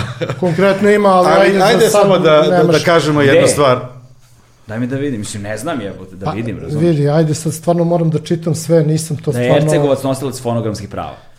Ajmo ovako, samo da Evo ne bismo mi ću dolazili da neko. nađem. Znači, uh, što se tiče maskoma i svega toga, znači Dušan Ercegovac se nama predstavio kao nosioc prava, mi smo tražili ovaj, kako se zove, zadovoljavajuću dokumentaciju i, i dokaz da je on to i on je to, mi smo to kupili, uložili u tu ogromna sredstva, nismo mi to nikom uzeli, niti nam je to niko preko tetke iz Amerike poklonio. Mi smo to platili. Jako mnogo. I posle 30 godina, nakon što ništa od fonograma, odnosno ništa od nosača zvuka je Katarine Velike nije bilo u prometu. Učinili smo ogroman napor, i finansijski, i psihički, i organizacioni, da izdamo te stvari, da napravimo pristojnu kampanju, da angažujemo ljudi koji su tada radili na vizualnom identitetu svega toga, da napravimo grafike u slavu grupe Katarina Velika. I na to smo jako ponosni. To 35 godina nije bilo u prometu. Ako treba da slavim nečije delo, nečiju istoriju, nečiji doprinos kulturi, možemo da ga slavimo samo tako što ćemo to držati u prometu, a ne da bude Alibegova slama i da stoji po, ovaj, kako se zove, po nekim budžacima. Znači, 35 Dobro, Dobro, nije- godina ti nisi mogao da kupiš ploču Ekaterine Velike. Mi smo Ekaterinu Veliku, mi mislimo i sigurni smo to u jednom legalnom pravnom sledu kupili. Mi nismo to nikom uzeli. Mi smo to platili. I uložili nije pitanje- novac. Ne, samo sekund, Ovde samo, se samo, sad... samo sekund, samo Da. sekund. Nije pitanje da li ste vi to platili, nego, Nego pitanje da li je Ercegovac bio nosilac prava. Ali ko To postavlja pitanje. to pitanje? Pa zar nije to pitanje sve vreme? A, jer, jer, jer, pa da je to- to, jer da je pa to, bilo ja, jer da je to bilo jasno, ne bi ovaj Ali- spor uopšte postojao. Kako nekakve... Naš spor sa njima nema nikakve veze. To, to opet sad sa bekanje formom, bab, tako je. baba i žaba, molim vas. Znači, To ti opet, ti opet dolaziš, dolazimo... Govorimo o RTS-u, tako? Tako je. Tako je. Znači, ajde ovako. Znači, ne. znači pazi, ajde ja ću se osvrnuti ovaj, na ono što je rečeno ranije i što je, što je ovaj, što ovde sada može da se, da se ajde da kažem, u neku priliku da repliciramo. Dakle, kao bitna činjenica, gospođe Maja iznosi to da je RTS taj koji je nas tužio, a, a ne obrnuto, jel? Ove, prvo RTS, kao što je Loka sada rekao, nije uopšte ni uh, nudio na prodaju te nosače. Znači, nije bilo razloga da mi njih tužimo, jer on 30 godina, pa ni onda kad smo mi stekli ta prava nije uh, ovaj, e, nije puštao, tako da nema razloga da mi njih tužimo za tako nešto, zar ne?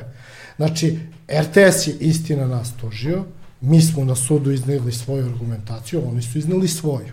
Sud će, kažem, ajde da kažemo kao neko, ajde da budem kolokvijalan krajnje, ovaj, prolazno vreme smo, mi smo zadovoljni sa prolaznim vremenom, u smislu jer smo imali jednu odluku gde su neke činjenice dosta jasno naznačene, zaista ne mogu da nađem, ali ću ti ostaviti a, primjerak, pa eto, ako ti nešto znači, moći ćeš kasnije, ali tražeći recimo kao jednu od stvari koje su a, notorne i koje su ovde iznete kao a, vrlo jasne, na koje si, si i ti pozivao, evo, imamo iskaz svedoka tog i tog, e, iz koga proizilazi da je u martu mesecu 87. postao član benda EKV i nakon tri meseca je došao menadžer Dušan Ercegovac koji je ceo bend podigao na viši nivo, album Ljubav sniman tu, Dušan Ercegovac finansirao uh, snimanje albuma i tako dalje i tako dalje.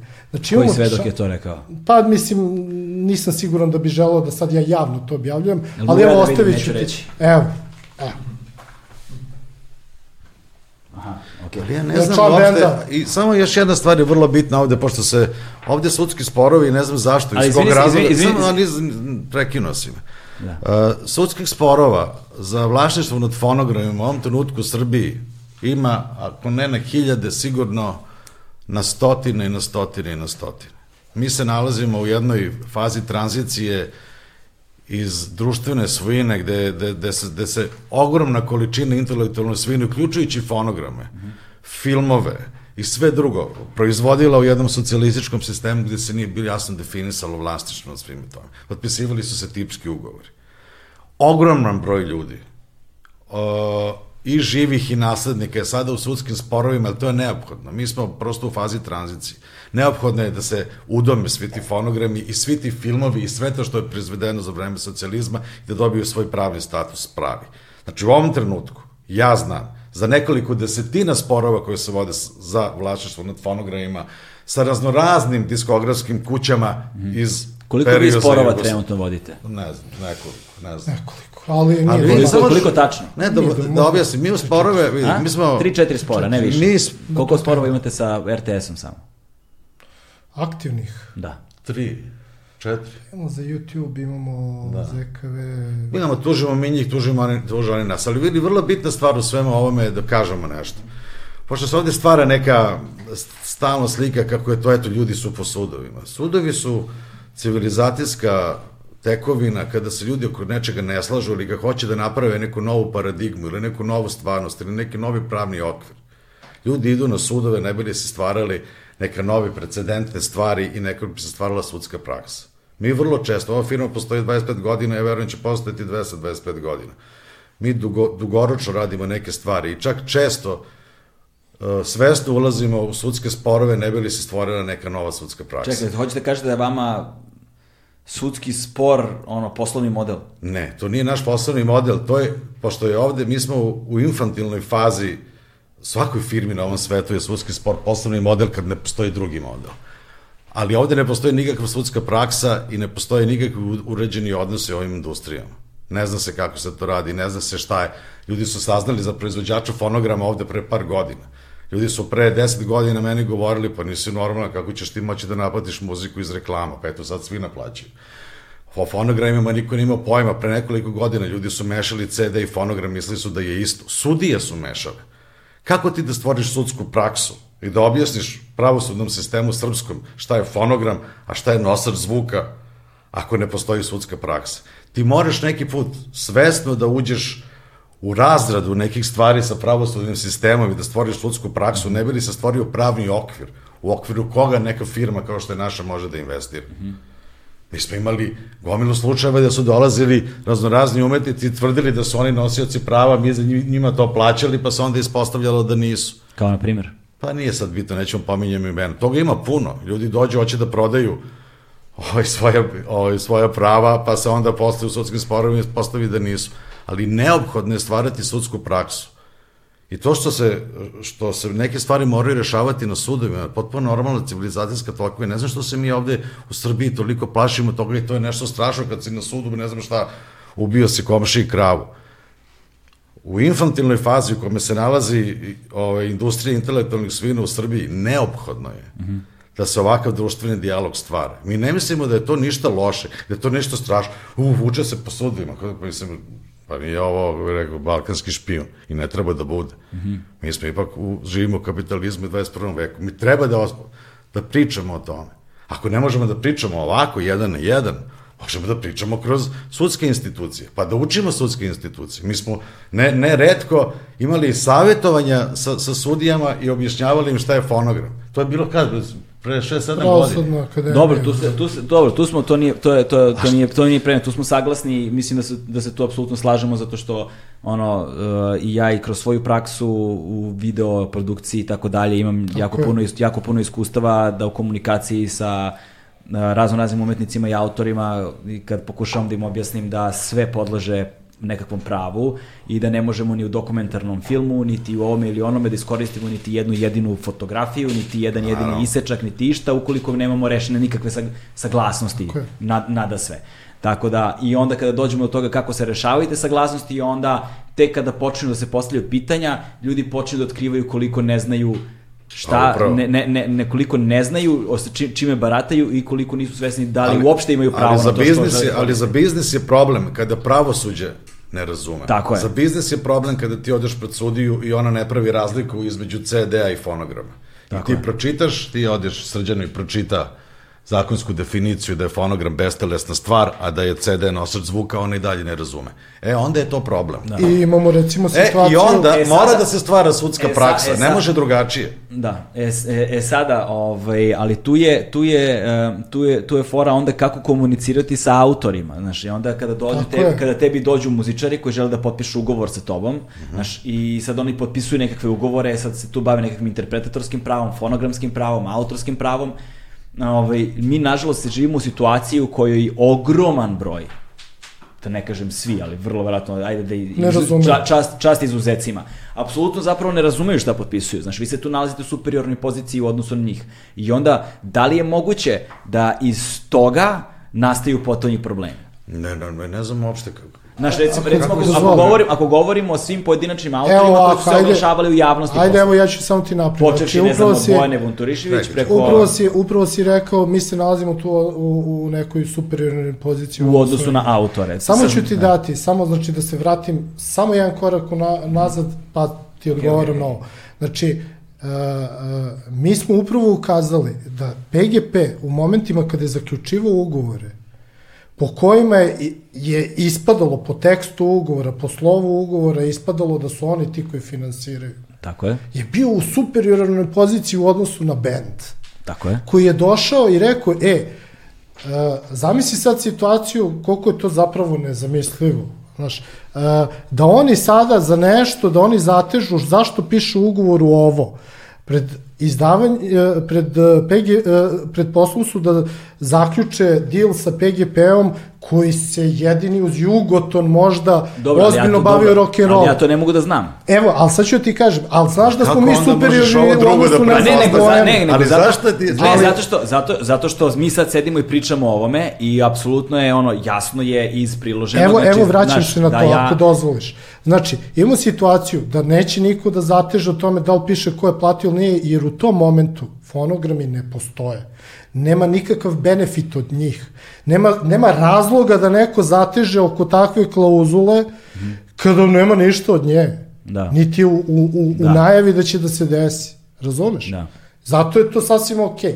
E sad, onda na kraju se desilo da ipak može neki benefit, pa tu nastaju problemi, tu se slažem. Da. E sada vraćam se na vama. Ja, pošto ja sam taj koji uh, se bavi na kraju krajeva i ugovorima i tako dalje i moje, moj tim, uh, ja u najvećem broju slučajeva, znači ne pričamo o Bojani, pričamo o većini slučajeva, se trudim zaista da im približim najbliže moguće uh, ovaj, uh, koje su konsekvence, koje su obaveze, koje su prava, o čemu se radi. Uvek savetujem da se konsultuje uh, advokat, profesionalac pravnik. Naravno, pazi, pravo je dosta široko. Ovo je Da. uska materija koju e, istine radi ne poznaje mnogo ljudi, e, mnogo pravnika. Znači, nije isto, ne možeš, ako te boli oko, da ideš kod ortopeda, tako i je poželjno da stvarno ako je neki pravnik da ima veze sa ovom materijom, e, uvek to se sugeriš. Znači, uvek je to na stolu, trudim se da približim sve što mi padne na pamet. Zašto? Ne zato što sam ja sad dobra duša. Moja obaveza od stra... koju mi je nametnuo poslodavac u tom slučaju da to uradim. Zato što ja želim da prenebegnem bilo kakvu buduću uh, nesporazum, uh, bilo kakav budući konflikt, problem, nazovi kako god hoćeš, sa tim nekim. Mm -hmm. I pazi, da ti kažem, mi dosta dobro to radimo, koliko god da se možda tebi čini ovaj, da to nije tako. Zašto? Zato što a, postoji x primera, znači na stotine, gde su ljudi sasvim okej, okay, da su zadovoljni, da im je sve jasno, nema problema, ali to ne dolazi u javnost. I, i ono, iskočile su 2, 3, 4, 5, nije važno, problema. I sad oni dobijaju neku medijsku po društvenim mrežama i tako dalje. Hoću ti kažem, znaš, nije to baš tako. Mm -hmm. Znaš, nije to baš tako i posle se to konstruiše, jao, ja nisam znao, ja nisam... Neko se nekada predomisli, neko nekada ima neki interes pa ga zameni drugim, misli da mu je bolje. Sve to legitimno i ljudski. Međutim, ugovor podrazumeo, uh, ugovor je zakon za strane, za ugovorače. Znači, ono što se potpiše, može da se menja, jednostrano samo u situacijama kada to zakon mm -hmm. propisuje, koje su dosta usko definisane i ako se dogovorimo zajednički da se to promeni. Dobro, da. To je, to je vrlo jasno. U svim ostalim slučajevima imamo problem. Mi ćemo ga rešavati. Bilo je x slučajeva gde smo mi krenuli sudski. Po pravilu mi smo ti koji tužimo, jer se ne slažemo sa nekim modelom ili poslovanja ili, ili načinom okay, na koji dakle, neko pristupa. Ok, dakle, vi, vi ostvarujete prava na EKV kao maskom.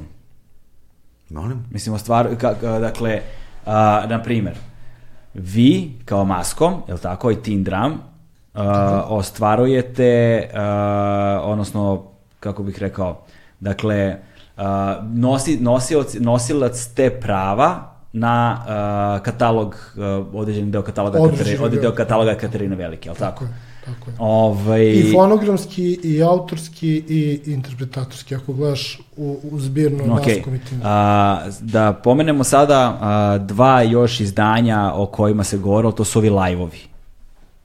Tako, dva live-a. Ima jedan iz Prištine i drugi, odakle, zaboravio sam. Mm, I Sava centra. Sava centra, tako je.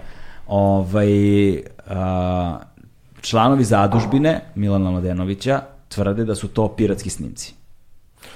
Da, I, za, da za njih nikada nije bio potpisan tvrdili su ugovor. Inspekcije, da nikad... Tvrdili su inspekcije da je piratski snimak ono što nam je bilo čak... Ne, samo kažem, dakle, prema, da, kaže, Sale Stojanov, slikar, koji je lično snimio kao fan EKV-a, stavio ono, kažu, tako kažem, kako mi kažu, Znači, pa dobro, ali vidi, nešto, ne, imam, imam utisak da si se dosta dobro izbrifao. Znači, kad, kad je objavljivan taj album, ja sam imao šest ili sedam poziva ljudi koji su tvrdili, dolazili u kancelariju, kleli se da su baš oni ti koji su stavili uh, kasetu, kasetofon. Minimum pet ili šest. Ok, zato Tako da, ali, kako bih rekao, ja ne znam zaista da znaš, sad te tvrdnje, postoji neko nekada je stavio nešto u neki kasetofon. Mi smo to dobili na osnovu ugovora sa Dušanom Ercegovcem, isplatili, uradili sve što je trebalo da uradimo u skladu sa zakonom i to objavili sa ponosom. Jer smatramo da fonogrami EKV-a treba da budu dostupni njihovim fanovima. Ok, dakle, da. vi kažete, Ma ne, suprotno neka... njihovim tvrdama, da, te, ja, ti, da ti fonogrami... Ja, tim pre, ako se to nikada nama, to su bili nepoznati. Donosi nam čovjek master trake i toga i da... Ne, ovo nisu master, nešto... ja sam vidio kasetu. Ja, mi imamo i datice i sve, mm. znaš, nisu svi na onim magnetofonskim, menjala se tehnologija. Šta hoću da kažem? Hoću da kažem, nije bilo nikakve, uh, malo je, uh, uh, to je isto stvar koju želim da potenciram, pogotovo posle, posle ovog podcasta što su predstavnici zadužbine ovde iznosili stvari. Znači, uh, ovde se zanemaruje uloga Dušana Hercegovca u stvaranju je Katarine Velike onakom kako je zapravo i postala. Mi smo ovde imali između redova, može se pročita da je Dušan Ercegova zato što je bio bolestan, prevario Loku, prodao mu kopije Master Track, bavio se stvarno groznim stvarima, mm -hmm. je li tako? Između, to, između redova u kontekstu. Između redova, da. u tom kontekstu je stavljeno to je najmanje, ono, loka, ja sam imao priliku da upoznam Dule Hercegovca. Mislim, poznao sam ga ja, ne površno. Mislim, jel ne, tebi to liči na Dušana Hercegovca? Ja imam ovde Nisam gde... ga dovoljno dobro poznavao da ih mogu da tvrdim bilo šta. Okay, samo ali, sam, ali evo ja ću ti reći jednu stvar. Mislim, ljudi koji su svim pokušavali da prave posao u to vreme i nisu napravili. I svojatali te fonograme u isto to vreme. Sad, sad, sad pričaju najgore o tom pokojnom čoveku. Ja stvarno, kako bih rekao, meni, ja ne bih dalje da izlazim ovu priču, postaću emotivan, nema smisla. Ajde, stvarno, nema smisla. Samo, samo ću... Izvini, molim Autorska i srodna prava, mm -hmm. na jedno drugo po zakonu ne utiču. Svako ima svoje. Nek se svako drži svoga i sve će biti okej. Okay. Ali ovo svojatanje i uh, iskopavanje kostiju i pričanje o ljudima koji nisu među nama u najgore mogućem, ja zaista uh, je nešto čemu više ne želimo u toj raspravi da učestvuje. Ajde se držimo prava i pravde mm -hmm. i zakona i da vidimo da li u okviru toga mi možemo da uredimo naše odnose. Okay. Ovi spinovi i te priče javio se tao kasetov. Mislim, zaista Dule ne, Ercegovac ja samo... prevario, prodao. Ne, ne, to ja su ljudi koji su... Pazi, ja samo, ja, ja samo ja mislim kažem, da je to dakle... jako ružno. Mislim i da, i, i da, da da, da reku, uh, mi... Ali pazi, tu, je, tu postoji problem zato što to oni isto tvrde i za vas s druge šta- strane, razumeš, da ste vi iskoristili njega ili da ste, da ste vi, Čekaj, račun, kako? da ste vi računali Kako? na Kako ono, smo mi iskoristili? Razumeš, pa A mi smo pojma. platili to što je od nas traže. Ili da, znaš, i da ste, da, i E, da ste ali vi- ajde da vratimo samo jedan opet korak Okej. unazad, jel? Famozni ovaj Znači, samo, samo, izvini sekund, samo hoću da kažem, ne možemo da ulazimo, uh, Ali mi ne, upravo- ne, ne, Ne, želim, ne, želim uopšte, ne želim da ulazimo uopšte u to što fo- fora je u tome što ne možemo da govorimo o pokojnim ljudima, prvo nema nikakvog smisla, Pa ja mi ni prvo ne govorim. smisla, nego samo kažem, a posebno zato što tu onda nailazimo na jedno područje gde apsolutno nema nikakvog razrešenja i gde jedna strana Tako je. govori upravo to isto za ovu drugu.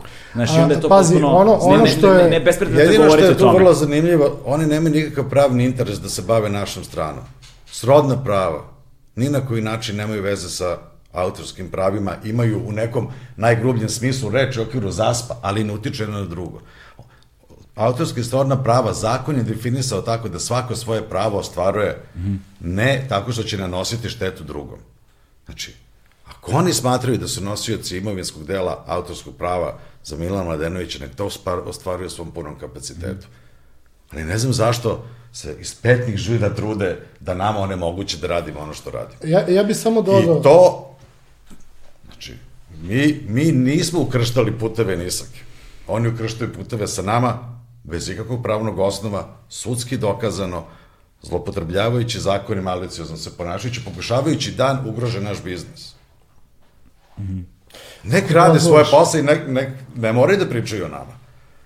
Ali to, ako si ti nasledio ovaj stan od tetke iz, iz, iz, Iz Kanade. I onda odjednom ti se dopala cela zgrada, pa hoćeš dole da staviš svoje ime Galeb, Galebova zgrada i da onda ideš okolo naokolo i da vičeš, ne, ne, ne, ovo je moja zgrada. Da se razumemo. Ono što je, ako je nasleđeno, nasleđen je imovinski deo autorskih prava sa Milan Mladenović. EKV i fonorganska prava su potpuno drugi entitet, nikakve pravno-formalne veze sa tim ljudima nemaju. I ne znam što, zašto se oni iz petnih žila trude da nama nanesu neku poslovnu štetu. Meni to uopšte nije jasno. Oni treba da se bave time, da veličaju ime i da slave ime Milana Mladenovića, ako to mogu, na najbolji način kako to umeju. Mi smo im nudili da im damo novac za donaciju, da im poboljšamo taj budžet, nisu hteli da ga uzme, oni čigledno imaju neku ambiciju da nekako drugačije upravljaju tim pravima. Ali problem što zakon kaže, oni ne mogu da se ponašaju kao privredno društvo i da time trguju na način kako oni misle da mogu da trguju. Da se to registruje kao roba. Pa čekaj, manite, da li je pijetet prema Milana Mladenoviću registracija njega kao robe ili usluge? Da, e, kad smo već kod registracije, šta je sa žigom? Uh, evo, ajde... Šta se tu ovaj, desilo? Samo, samo ako mogu dobijem sekund uh, vezan za ovo. Znači, vezano za Duleta Ercegovca, da zaključimo to priču.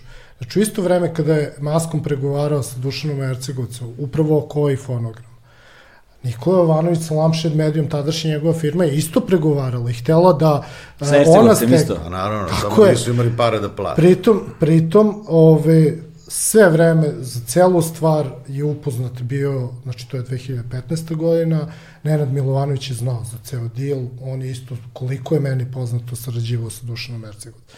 Znači, ta priča, pet godina kasnije, mi smo se wow osvestili, pa sad to prosto, ljudi, to nije tako. Znači, ako možemo... Znači, ti sam, znaš, bio si na MTV-u da je postao dogovor da se to objavi na MTV-u i ceo film i sve to i sad je to odjednom piratski.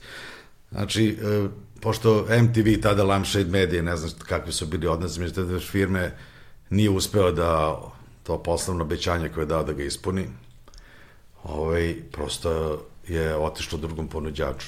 I ja ne vidim, i ovo sve sad što se dešava, najverovatnije liči na jednu nedozvoljenu tržišnu utakmicu i ništa dalje od toga. Dobro, ali to ima vreme i mesto gde Pa će ćemo, to da se... pa će se o tome Okej. pričati, ali kako bi ti rekao... Okay, meni samo i dalje nedostaje taj o, er, Ercegovčev ne znam. ugovor fo, fonogramski. Ali šta ti, kako ti, a mogu sad, ajde, ajde molim te da ti objasnim Ajde, laički. hajde, molim te, reci. Uh, definicija zakona kaže da je proizvođač fonograma onaj čim sredstvima će organizacije koje odgovor. Tako je. Znači ne treba ti, ti ako kumulativno... Dobro, ne Sad ugovor, ali Samo okej. malo, saslušaj me, ako za- zadovoljiš ta tri uslova, ti si stekao status proizvođača fonograma, ne treba ti nikakav ugovor. Mhm. Ti ne postaješ ugovorom proizvođač fonograma i to molim da se ovde prihvati, evo, čovek zaista, zaista ako je neko pravni Okej. ekspert u ovoj zemlji, on je, ima je završen pravni fakultet, za razliku od nekih drugih kolega, pravosudni ispit i vodio na desetine sporova vezanih za intelektualnu svinu, ne samo iz, iz oblasti muzike. I zaista, Okej, mislim, a- okay, samo, ali... ali- molim te da se razumemo, nikakvim ugovorom. Dobro, ok, bez ugovora, ali, ne- ali, ne ali, postaje sad, nosi- ali je stvar, stvar je u tome što na osnovu čega se onda utvrđuje da je on bio taj koji je platio svojim sredstvima. Što ti nas to pitaš? Svim Pa ne znam, dokaznim sredstvima svim koji su dokaznim, na pa- raspolaganju. svim dokaznim sredstvima koji su na raspolaganju, izjave svedoka, materijalne, materijalni dokazi, šta god. Znaš, mi imamo račune na Dušana Ercegovca iz Nemačke gde je plaćao sređivanje snimaka i tako dalje. Mislim, Ja ne znam tačno, zašto je to- Taksativno navedeni Okej, koji su okej, pa snimci. moram da pitam. mislim. Pa ne, ne, ali Znaš, ne- ima, ima i to, znaš, Znaš, ali... Okej. E, sve, to sve što je na raspolaganju, pa to je, to je daleka istorija, sve što je na raspolaganju da bi se utvrdilo činjenično stanje, kao i u svakom sporu, doprinosi da se rasvetli neki slučaj. Ali ne može Ako samo... ima, du, izvini, ako Dušan Ercegovac ima dovoljno materijalnih dokaza da je nešto proizveo, ako ima fakture, ako ima izjave svedoka, Da. to je onda, to počinje, da- to postaje nespor. Ali, ali nije, ali nije, ne može biti materijalni dokaz da neko tvrdi, ne, to nije Dušan Ercegovac, iz svoje agende koja je meni nepoznata Mhm. poslovne, a, ne, to nije Dušan Ercegovac, nego je to RTS, To je samo tvrdnje. a istovremeno si uh, hte, uh, zaključivo ugovore kakve si zaključivo, gde si raspolagao istim fonogramima, gde, ti ne, gde uopšte nisi spominjao bilo Znači, kakav RTS. 2015. godine Jurio su oni smatrali da su oni nosioci Da, ali izvršni prava pro- proizvođača. Da, za, A samo malo, zato ajde što nije izvršni producent. Tako je, izašao. Ali na izvršni producent na ta dva albuma Ljubav i par godina za nas sam je bio Berar. Ne. Ne, mislim Piše da na nije. ploči, sam video mislim da da piše Berar. samo producent, jer postoji Izvršni muzički produ- producent. izvršni producent, Sa druge to strane, To recimo, sve tačno znači. To su sad ovi argumenti ovog Ne, ne, samo advokata. kažem. Ne, to je ali vidi, samo ti kažem- kolekcionar koji ima ploču kod kuće može da pogleda Tako je, pozadi piše. ali samo, mislim, e, tako je u smislu da može, ali samo ću ti reći, i te omote su radili e, štamparija po nalogu RTS-a. Dakle, ja stvarno sad u, u baš detalje istinitost toga kako je to rađeno ne mogu da tvrdim. Ali meni ako dođe čovek koji je neposredno bio, koji je potpisan, koji je radio to, koji je svirao ili tehnički posao odradio i kao takav je označen na samom izdanju i kaže mi da, mene je Dule, pa mi smo zbog toga, mi smo te stvari isproveravali pre zaključenja ugovora. Okej. Mi Ja smo, znam, mi smo se raspitali i rekli, ok, Čak i ako je taj Dule Ercegovac bio najgori čovjek na svetu i prevario našu firmu. On je možda to i uradio. Ali mi smo u najboljoj veri, u skladu sa zakonom, gledajući sve ono što je nama doneo na uvid, potpisali taj ugovor, pregovarali smo dosta dugo. On je nas ubedio da je on proizvođač fonograma. Ima je dovoljno argumenta i mi smo Pa to proverili. Ja ne znam što se mi stavljamo, ako treba neko da se stavlja na neki stup, a mislim da ne treba vaditi te, kako se zove, kostor iz ormara, apsolutno nismo mi. Ta cela konstrukcija smo mi nekak nešto, ne, ne. Mi nikog, niko, na, nas, nama je to, do, mi smo pozvani telefonom, nama je to ponuđeno. Mi smo rekli, mi smo zainteresovani, naravno, kao svaki diskograf bi bio zainteresovan. Predočeni su nam dokazi, rečeno nam je koliko to košta, mi smo posle 6-7 meseci pregovaranja izašli u susret, sklopili ugovor. Ti misliš da je to bilo preko noći? Ta neka zamešateljstvo da je ne znam šta ko neko radi. Pozvani smo, ponuđeno nam je, mi smo prihvatili ponudu posle go, meseci pregovaranja i traženja dodatnih dokaza, uključujući izjavu Danice Mladenovića, smo hteli da budemo slosto sigurni da tu nema nekih. I znali smo da, da su u isto vreme ovi ljudi pokušavali da dođu do istog tog materijala i da, su svojatali taj materijal Ajde. koji sad pričaju da je PGP-ov, nisu uspeli, je rekao da ti kažem onako kolokvilno, da stave pare na sto i na tome se stvar završava. Ako hoće neko da istražuje kakav je karakter bio pokojni Dula Ercegovac, ja sve najlepše njemu mislim staista, nek se onda time bavi, ali da se mi stavljamo na stup strama, zbog toga, to je zaista, kako bih rekao, najobičnije ogovaranje, ovo ulično, kome smo mi svi ovde i društvene mreže. Kad nema kad nema dogovora za stolom, onda je to neka paradigma ove, ove generacije sada koje delom ti pripadaš je odmah da se žalimo na društvenim mrežama u, u onoj klaki Ne znam, da boga vičemo. mi, ja se nisam žalio na društvenim mrežama. Mene ti, ali dobro, to, to je tvoja generacija. Ovaj, to je sad glavna fora, ne? Ne, Čim ali- je neka ali- nepravda, odmah na društvene mreže i to je to. ajmo sad uh, ovaj, rešenje, rešenje o konkursu. Dakle, žig. Ajde ovako, znači ajde prvo da, da uvedemo malo u priču šta žig, kako žig i neke, ajde te neke Evo, stvari koje... Prosto, prosto ovaj, kako, kako stvari stoje na tom polju. Znači, e, žig je oznaka robe i usluge koje se nalaze u prometu. Znači, to je u najkraćem. E, može biti ovako i onako, da ne ulazim. To je prosto, znači, Znači, radi se o klasičnoj zaštiti, ti želiš da zaštitiš neku svoju proizvod, a, svoju proizvod odnosno oznaku koju stavljaš na proizvod i tako dalje. Tako je, mogu dva, bilo... ono, štitiš ga da budeš ti ekskluzivni s jedne strane i s druge strane da niko drugi ne može, to je. Pa, to je A, ekskluzivni, to... tako je, tako je, da imaš praktično monopol na tom... To nije suština, pojenta je, e, sad, zašto znači, se štiti? E, stavljanje u promet. Tako je, suština je stavljanje u promet, jer bez toga, bez prometa, što je ovde bilo izneto kao, kao netačno, mogu da demantujem, jer je rečeno da to nema veze s prometom, da li se nalazi? Ne, mora da ima veze s prometom i to je to je ovaj zakonska činjenica mislim mm -hmm. to je u definiciji okay, samo da objasnimo ljudima o čemu se radi za one koji ne znaju dakle kada je zadužbina objavila svoj konkurs a, za koji su dodeljivali tu nagradu za najbolju regionalnu pesmu koja nosi naziv Milana Mladenovića. Um, ovaj, paralelno sa time vi ste objavili svoj konkurs koji nosio naziv EKV Tvoja pesma. Ne, Ne, znaš kako, objavljeno Mislim, je... kažem paralelno što su se dešavalo u isto vreme, ja sam ih tako video. Ne, nisu. Uh, nisu u tome jeste, u tome jeste stvar. Znači, uh, mi smo to, uh, nagrada je bila dodeljena kada smo mi najavili da će biti novi konkurs, odnosno naš konkurs. A vama nije ono čudno da kao to radite baš dan posle? Pa vidi, e, Mislim, karakteristično je, da ti kažem, karakteristično je, uh, središnji moment je zato što je to Milanov rođendan, tako mm. da je tu neka simbolika koja očigledno i sa njihove i sa naše strane bila uhvaćena, ali to apsolutno nema Kao što sam ranije rekao, jedne... niko nema monopol na kulturnu baštinu Srbije da će određuje kad će ko u, u poslovnom životu da određuje datume kad će neko nešto da radi. Pa se, znači, čak se, živa, čak se, Severna Koreja. Čak se uh, postavljala neka, ajde da kažemo, postavljali se stvari tako da pozivalo se na to da čak su neki članci u novinama ili na portalima u istom tekstu javljali i to dovodi Bog zna kako zabu. Meni mhm. iskreno to nije jasno.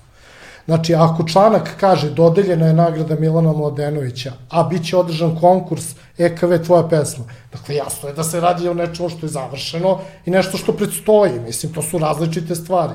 Pritom, ponovo se pozivam na, na podcast gde je gospođa Maja izjavila nešto što ja zaista smatram jako strašnom zamenom teza. Okay. Izgovoreno je da osporavanjem uh, prava zadužbini maskom zapravo osporava Milanu lično uh, ovaj, uh, prava na njegove zaostaštine ili kako je to parafraziram. To je zamena teza i jezio. Znači, ovde se stavljaju, a, pokušava da se progura neki narativ da a, zadužbina jednako je Milan Mladenović, jednako je EKV. To nije tačno. To, to, ono, to nije tačno ni na, ni na jednom nivou. Mm -hmm. Znaš, i sada imamo situaciju prvo, a, njihov, njihov konkurs, koliko ja znam, zove se nagrada Milan Mladenović. Naš konkurs se zove EKV Tvoja pesma. Ne vidim, izvini, ali ja ne vidim sličnost. Osim što je jedan član EKV-a, Milan Mladenović, pa u tom kontekstu, da, ima veze, ali šta? Kakve to veze tačno ima? Znaš, nije li ideja da se zapravo, što više takvih, mi bi volili da postoji neko treći koji će Pa ne, će isto se zove... Pa ne, može ja, se zove... Ali ja, ne, ja zaista ne vidim šta, šta vi to vidite kao kontroverzno i oko čega se tu stvara priča. E, znači, ali... Mi, o, o, prvo, oni nemaju nema nikakve veze sa EKV-om, to smo već ovaj, jel, ustanovili, da neko pravi konkurse koji veličaju nekog i nešto i za to daje novac benevolentno da se snimaju i stvaraju novi snimci. Ja ne znam zašto to na bilo koji način nekoga može da vreće. Treba bude 50 takvih nagrada. Da je, da je sreće da ih ima 50 svuda. Oni, Ja, ja bih svako, ja bih, mi smo mi htjeli da podržimo. Mi podržavamo svak, mi hoćemo da damo čovjek i novac svakom ko hoće da napravi nagradu. Ko hoće da stimuliše stvaralaštvo. Ja ne vidim šta je tu problem. A posebno je problem što to u javni diskurs nismo iznali mi. Ako su oni imali nešto bilo protiv toga, trebali su da se obrate. Nego odmah, op, Facebook, društvene mreže, PR kampanje. Pravi se cirkus oko toga. Mi nismo bili kontakti, nama su mogli da napišu, mi se s tim našemo pitali zbog čega se ne slažete, pa bi probali to da rešimo. Jok, nego odmah Facebook, idemo, ovaj, PR kampanja i ostalo. Mi smo- znači, ta mi smo- paradigma, ajmo sada da, da, da se pljujemo preko društvenih mreža, da pravimo oko toga priču, to je stvarno nešto što, ok, to je današnji trenutak, neki ljudi se bave tim, mi zaista u takvim dijalozima ne želimo da učestvujemo ni sa kim. I mislimo da nije primjereno, nije normalno.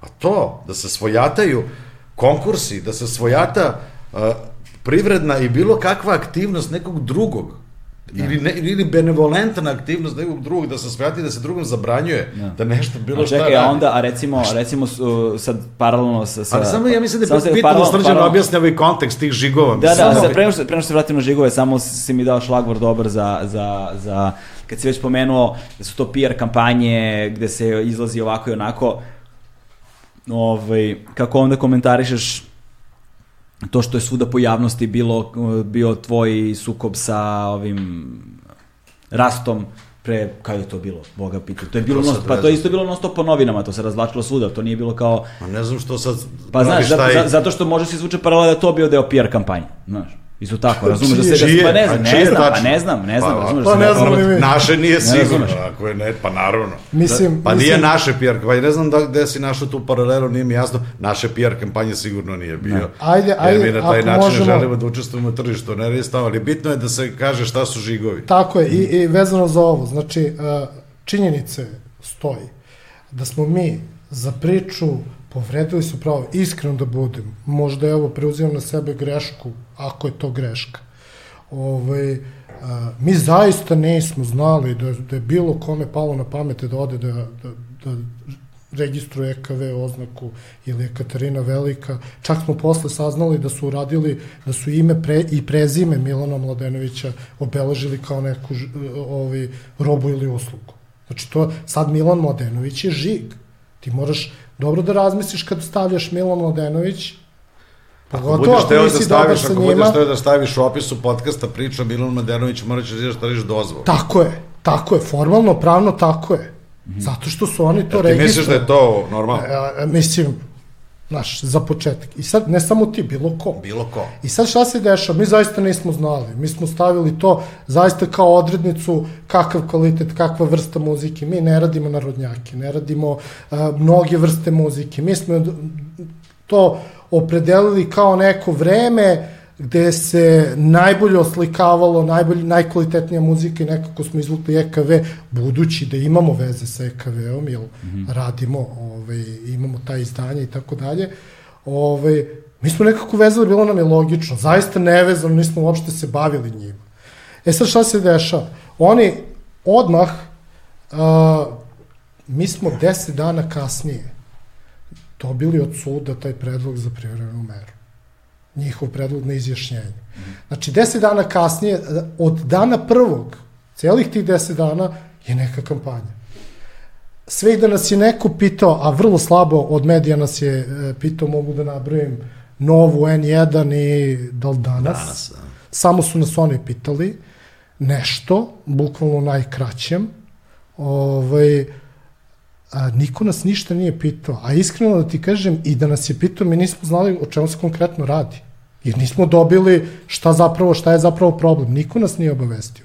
Ali se javnost dobro pripremila za celu tu priču, jer je bilo... Moglo je jednostavno da se napiše pismo, mi smo registrovali ime EKV, vi ne, treba, ne smete to da koristite, mi ima naravno povukli. Nama to što nije bilo bitno. Ma ne bi, ne, A nego se zato išlo u javnosti. pravu. ali, Ne što ali mi nismo pravu, zaista znali, nismo mogao povukli- pretpostaviti da će neko da registruje. Tako je, žig povukli bi da ne bi stvarali Milana Mladenovića. probleme, da li me kapiraš, uopšte nećemo da razmišljamo. ne bi. Da li smo u pravu, mi i dalje mislimo da smo Da, u pravu. nekako mi je čudno kako je moguće da baš, znaš, zašto bi neko želeo sa takvim motivom da izađe, sad razmišljamo, ra- razmišljam prosto laički. Dakle, zašto bi neko izašao, znaš, koji je motiv nekoga da izlazi u javnost i da, ono, to koristi, kako ti kažeš, kao PR kampanju protiv Ne vas? znam, pitaj njih koji su izašli u javnost sa Ali tim mi ne jer, jer, neka, jer, Ali mi nekako kad, nismo- jer ja kad god sam š- razlog zašto ste ovde, između ostalog, jeste, men, što se mene tiče, vama je ključna stvar cela ova stvar oko zadužbine Milana Mladenovića. Meni je ovo, pored toga, i prilika da komentarišemo, jer nekako svaki put kada je neki izdavač bio ono pomenut na taj način u javnosti, da li na društvenim mrežama, kroz, kroz druge autore izdavače koji imaju, boga mi, svoj neki korpus pratilaca, znači nije da je njihov glas sad neki koji se ne čuje, nekako je uvek bio maskom, uvek, ili ti imenom i prezimenom. Znaš, to je bilo i sa Sarsom tako, i sa Rastom tako, i sa Bojanom Vunturišević tako, i sa Basivitem tako, i sad sa Zadužbinom. Znaš, nekako nisam čuo nikada... Da, mi smo... Ja... Nikad, nisam čuo nikada... Izvi, pa, izvinjam se mikrofon. A mogu samo... nisam nikada čuo, nisam nikada čuo da se, da se, da se, da, da se o nekome drugom tako, drugom tako da zoveš pa da pričamo na vreme o tome, a, a, ovaj, pa mi u ovom trenutku vodimo dijalog, rekao sam ti, mi administriramo oko 3-4 miliona dela, vodimo dijalog u ovom trenutku sa 200 umetnika. Mm -hmm to što si nabrojao nije ni jedan posto. O, kako ti rekao, prosto smo, molim? Pa, dva. Tu, dva posto, jeste, malo jače. Ovaj, prosto smo u takvoj, u takvoj ovaj, tržišnoj situaciji, u takvoj su tržišnoj situaciji, ja sam, ajde da kažem, verovatno dovoljno prepoznatljiv, tako da sukubi sa mnom postoje zanimljivi na društvenim mrežama, ovaj, i neko hoće ipak malo da se Znaš, sukob sa nekim ko je anonim na društvenoj mreži nije sukob. Da. Sukob sa nekim ko je u mojoj poziciji, kao što sam ja, je sukob koji može, jel, da izazovem buru emocija na društvenim mrežama i to se prosto iz tog razloga radi. Uh, Jel uživaš u tome? ne, ja uopšte ne uživam u tome, ja samo hoću da radim svoj posao, mi hoćemo, da, mi vodimo firmu, vidi, ovo je biznis, ja, da. mi se ne bavimo dnevn, ovim tim društvenim, ovo je posao koji zapošljava 30 ljudi. Morao sam da pitam. ne, ne, ne znam da deo, vi, vi imate, vi imate neku projekciju o meni koja je tako, vama je to zabavno. To to mi, ne, ja sam, te. Pa je, pa svi be ka. Znaš. Ali vidi, to je okej, okay, to je deo popularne kulture. Meni su prvi put opevali 2000. godine Beogradski sindikat u čuvenoj pesmi Plejarsko ponašanje i to da ja donosim ugovore na sto. Nije, rekao, ja sam, ja sam u ovom, u, u muzici Beograda od svoje 14. godine, mislim, tako da ja negde sam utkan u ovo što se ovde dešava i ovo nije prvi put da se ja pominjem, pominjem sam prvi put 2000-te, čak sam opevan u pesama i to je meni drago. Ima drugih pesama, evo, Vikler peva o tome kako uspio da me zezne za lovu. To je deo tu kulturnog dijaloga u hip-hopu koji je potpuno okej, okay. meni je to prihvatljivo. Uvek postoji neki tamo baja koji je kao zeznut i onda mi svi smo u sukubu sa njim i onda se stvara taj bif. To je deo kulture, to je u redu. Ja na to, na neki način, ja ne mogu da se bunim protiv toga, zato što je to paradigma koja je postavljena tako u tom kulturnom modelu. Ja nemam šta, prosto, ali ja samo radim svoj posao. Na kraju, balada jako je dobra, evo, bih ti rekao, apropo svih tih negativnih kampanja, mi smo imali, ja sam stvarno zbunjen bio količin, nama se preko 200 ljudi, 200 bendova javilo na ovaj poslednji konkurs. Znači, ja mislim da to samo govori o poverenju onome što radi maskom i šta izvođači hoće. Kako hoćeš već u tome da se ljudi bune. Naravno da se bune, imamo, imamo previše, imamo tu gomilu netržišnog ponašanja, ljudi promene mišljenje, svako može da dođe s nama, svakom da se dogovori, ali ti ne možeš jednostrano da menjaš ugovor. Onog trutka kad se potpisao ugovor, koji što Srđan rekao je, on je zakon za obe strane. Onda te obavezuje. Ako si još posebno dobio novac od nas, ono, mm -hmm. da ćete reći, neki od tih što se bune su dobili novca u vrednosti stanova u Beogradu pa onda krenu da se bune. Mislim, kako ti rekao. Uh, Kao, mi, na primer? Ne, nećemo da pominjemo imena, ali iznosi, ja ću ti reći... Sve nadam, možda mi ne, ne, iznosi, samo ću ti reći, iznosi, iznosi koje mi isplaćujemo godišnje na osnovu tantijema, autorskih, srodnih prava i svega ostalog, daleko prevazilaze ukupne promete velike većine naše konkurencije. Tako da ja stvarno, to su stotine i stotine hiljada evra mi isplaćujemo godišnje samo na osnovu tantijema. Mi plaćamo svaki naš album. Mi smo ovde u biznisu, mi nismo u nekom drugarstvu, ja sam ti orter pa ću da te zastupam, pa ćemo e, kad, kad nešto padne. Kad, kad, kad, kad, kad, kad kažeš da plaćate svaki vaš album, to znači albume izvođača koje objavljujete? Finansiramo na različite načine, modeli poslovanja, to njima naravno neću da pičam, su ovaj, različiti, da. ali uvek o, podrazumevaju investiciju sa naše strane. I u tom smislu... Koja pretpostavlja rizik? Pa nego šta? Pa ne, mislim, kažem, govorim, pa ne, ulo, govorim pa, naravno, koji može da mi smo, mi, mi, smo, pa, mi nismo kulturna ustanova i dalje se to ovde ne razume, mi živimo 20 nešto godina u kapitalizmu, a mnogi kulturni poslanici bi želeli da bude neki hajde da kažeš neki hibridni model gde su navike socijalističke, a isplate kapitalističke. Mi smo u kapitalizmu, mi platimo, mi investiramo u prava i mi apsolutno želimo da zaštitimo svoju investiciju. Ne ja kao Sloboda Nešović Loka, Da. nego firma kao takva. Firma Da. se osniva radi sticanja je- profita samo. A, a to je zanimljivo što si rekao da investirate u prava. Pa naravno, Da. pa u šta? Pa ne, pa mislim kao, da, da li ste nekada ono investirali u muziku, kao to, To, je pravo nešto. proizvođača fonograma je pravo. Ja kad kažem pravo, mislim na muziku, ne znam, ne Aha. razumem pod pitanje. Pa zašto Mi platimo studio, platimo da neko nešto snimi, nekom platimo ovo, nekom platimo ovo, u svakom slučaju uvijek investiramo. Mhm. I stvorimo, naravno, time stičemo pravo. Mi, kad kažem investiramo u pravo, stičemo pravo proizvođača fonograma, pravo na autorska prava, kada finansiramo publishing i stvaralaštvo. Mi sad imamo fantastičan dogovor sa jednim mladim, ja mislim, najboljim kompozitorom i aranžerom u Srbiji, pravi publishing ugovor gde on za nas piše pesme za druge izvođače, što je fantastično. Mladi ljudi to prihvataju. Mladi ljudi razumeju, koji imaju po 20 godina i koji su, ovaj, kako se zove sada, nekako stasavaju ulaze u posao. Ovi neki koji su na razmeđi, ovi koji su sad u nekim poznim 30-ima, njima to i dalje nije jasno i misle da mogu da, da može da se manipuliše ovim slabim pravostodnim sistemom je kao kod nas koji ipak favorizuje. To je veliki problem kod nas. Zato što nemamo industrijski okvir, nemamo zaštićenu investiciju i zato i nema investiciju u muzičkoj industriji. Niko ne ulaže, ulažu sami izvođači jadni i onda još i plaćaju da ih stavljaju na ove YouTube kanale ili na, na ove, kako se zove, na ove uh, kablovske kanale, plaćaju da budu tamo. To je onaj stari biznis model srpski prodam kravu da bi postao poznat. Niko ne investira, zato što domaće pravosuđe ne obezbeđuje pravnu sigurnost za investitore. To je veliki problem. Mi, Nama je to jedini posao i mi ćemo za njega da se borimo svim sredstvima, naravno dozvoljenim pravnim, da, da zaštitimo svoju investiciju. Jer to je jedini mogući način da kompanija opstaje. Kada bi kompanija, kompanija je algoritam, kompanija nema emocije. Ako neko ugrozi interese kompanije, kompanija se brani. Nema, ona nema, kako bih rekao, ona mora da se brani.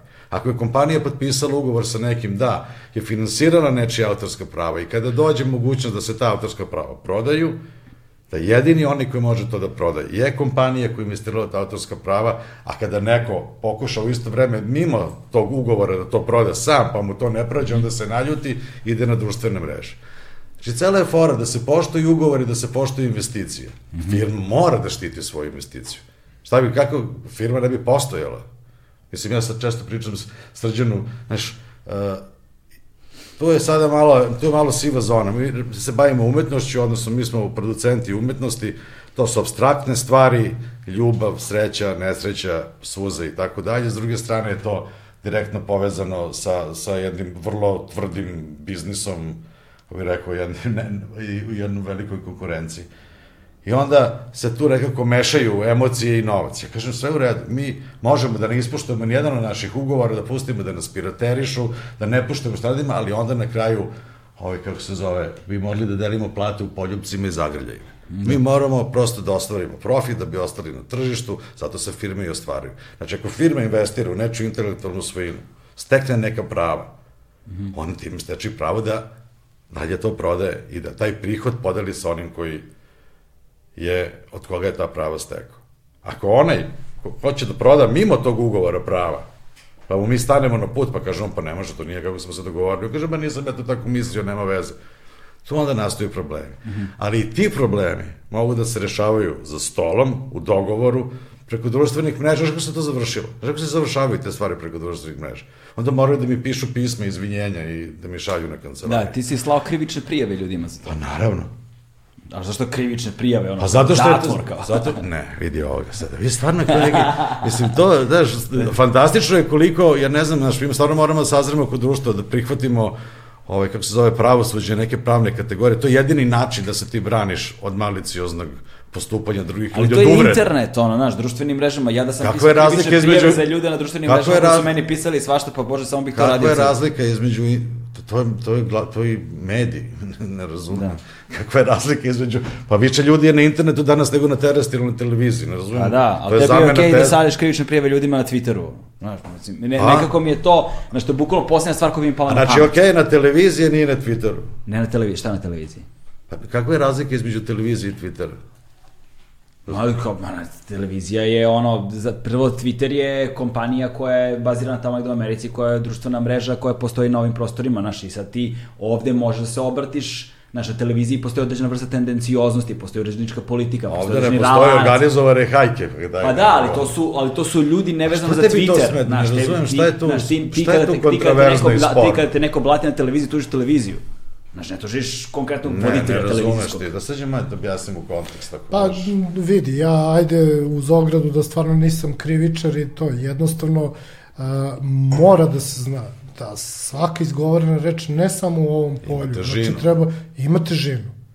I da svako ko izgovori nešto, Da, ali, brate, ne možeš I da nekome- šta ljudi izgovaraju pa zavisi šta je rečeno. 90% Ja interneta je stvarno ne znam shitposting, šta je- jebote. Ti šta ne je- razumem, pa ne, kako ti nije, nije, kažem- nije ovde pojenta da, da mi kontrolišemo mediji. Da. Nego da ako te neko uvredi, ti imaš pravo da se osjećaš uvređen ako te neko uvredi. Ne znam Da. šta je tu... kon- Pa znam, ali prosto kultura ponašanja na internetu ili ne ponašanja na To internetu su je sad takva, opet neka znaš. pravila koje... Ne, nisu to pravila, čovječe, to je ono, znaš, kao duh vremena, prosto, znaš, ako me neko pljuje na internetu, brate, ono, isključim kompjuter, jebote, pazi, znaš, formalno ako me to dodiruje. vidi, Što onda nisi učiš formalno, televizor, ne znam kakve Pa razlike. da, i televizor isključim, znaš, mislim. vidi, formalno pravno, ti, Da. ono, Galeb ima pravo kad ga neko, uh, na bilo koji način ugrožava, to ti podneseš. Znači, da li ćeš ti da koristiš to tvoje pravo ili Ti ne? ne moraš da ga koristiš, Ti- to je tvoja slobodna volja, ne znaš to što ti tvoja meni, autonomija. što ti kao model svog ponašanja hoćeš Ne, ne, da ne, ne, nametneš ne, ne, meni. ne, pazi, Pa izvini, ne, ne čekaj, nameće, vrlo ne je- nameće, nego samo pokušam- važno. izvini, ne namećem, samo Pa pokušavam na- da razumem. Ne nameće, pa nije ti jasno, kad ti nije jasno. Ja treba da izađem sutra da kažem da ovaj,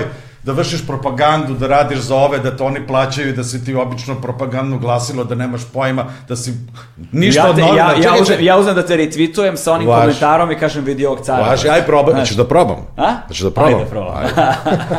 Vidi, ti možeš da ponašaš kako god hoćeš i cela, cela stvar sa ličnim pravima i slobodama je da se svako ponaša u skladu s kakvim hoće. Ovo namerno nanošenje poslovne štete preko mene kao eksponenta ove firme je potpuno druga stvar. I vi vrlo često se bavite, svaki put pitaš pitanje vezano za mene, ne znam zašto, baš pa evo ja sam došao ti, pitaj mene pa ću ti objasniti. Te Đorđa Miljanovića, šta si rekao da sam...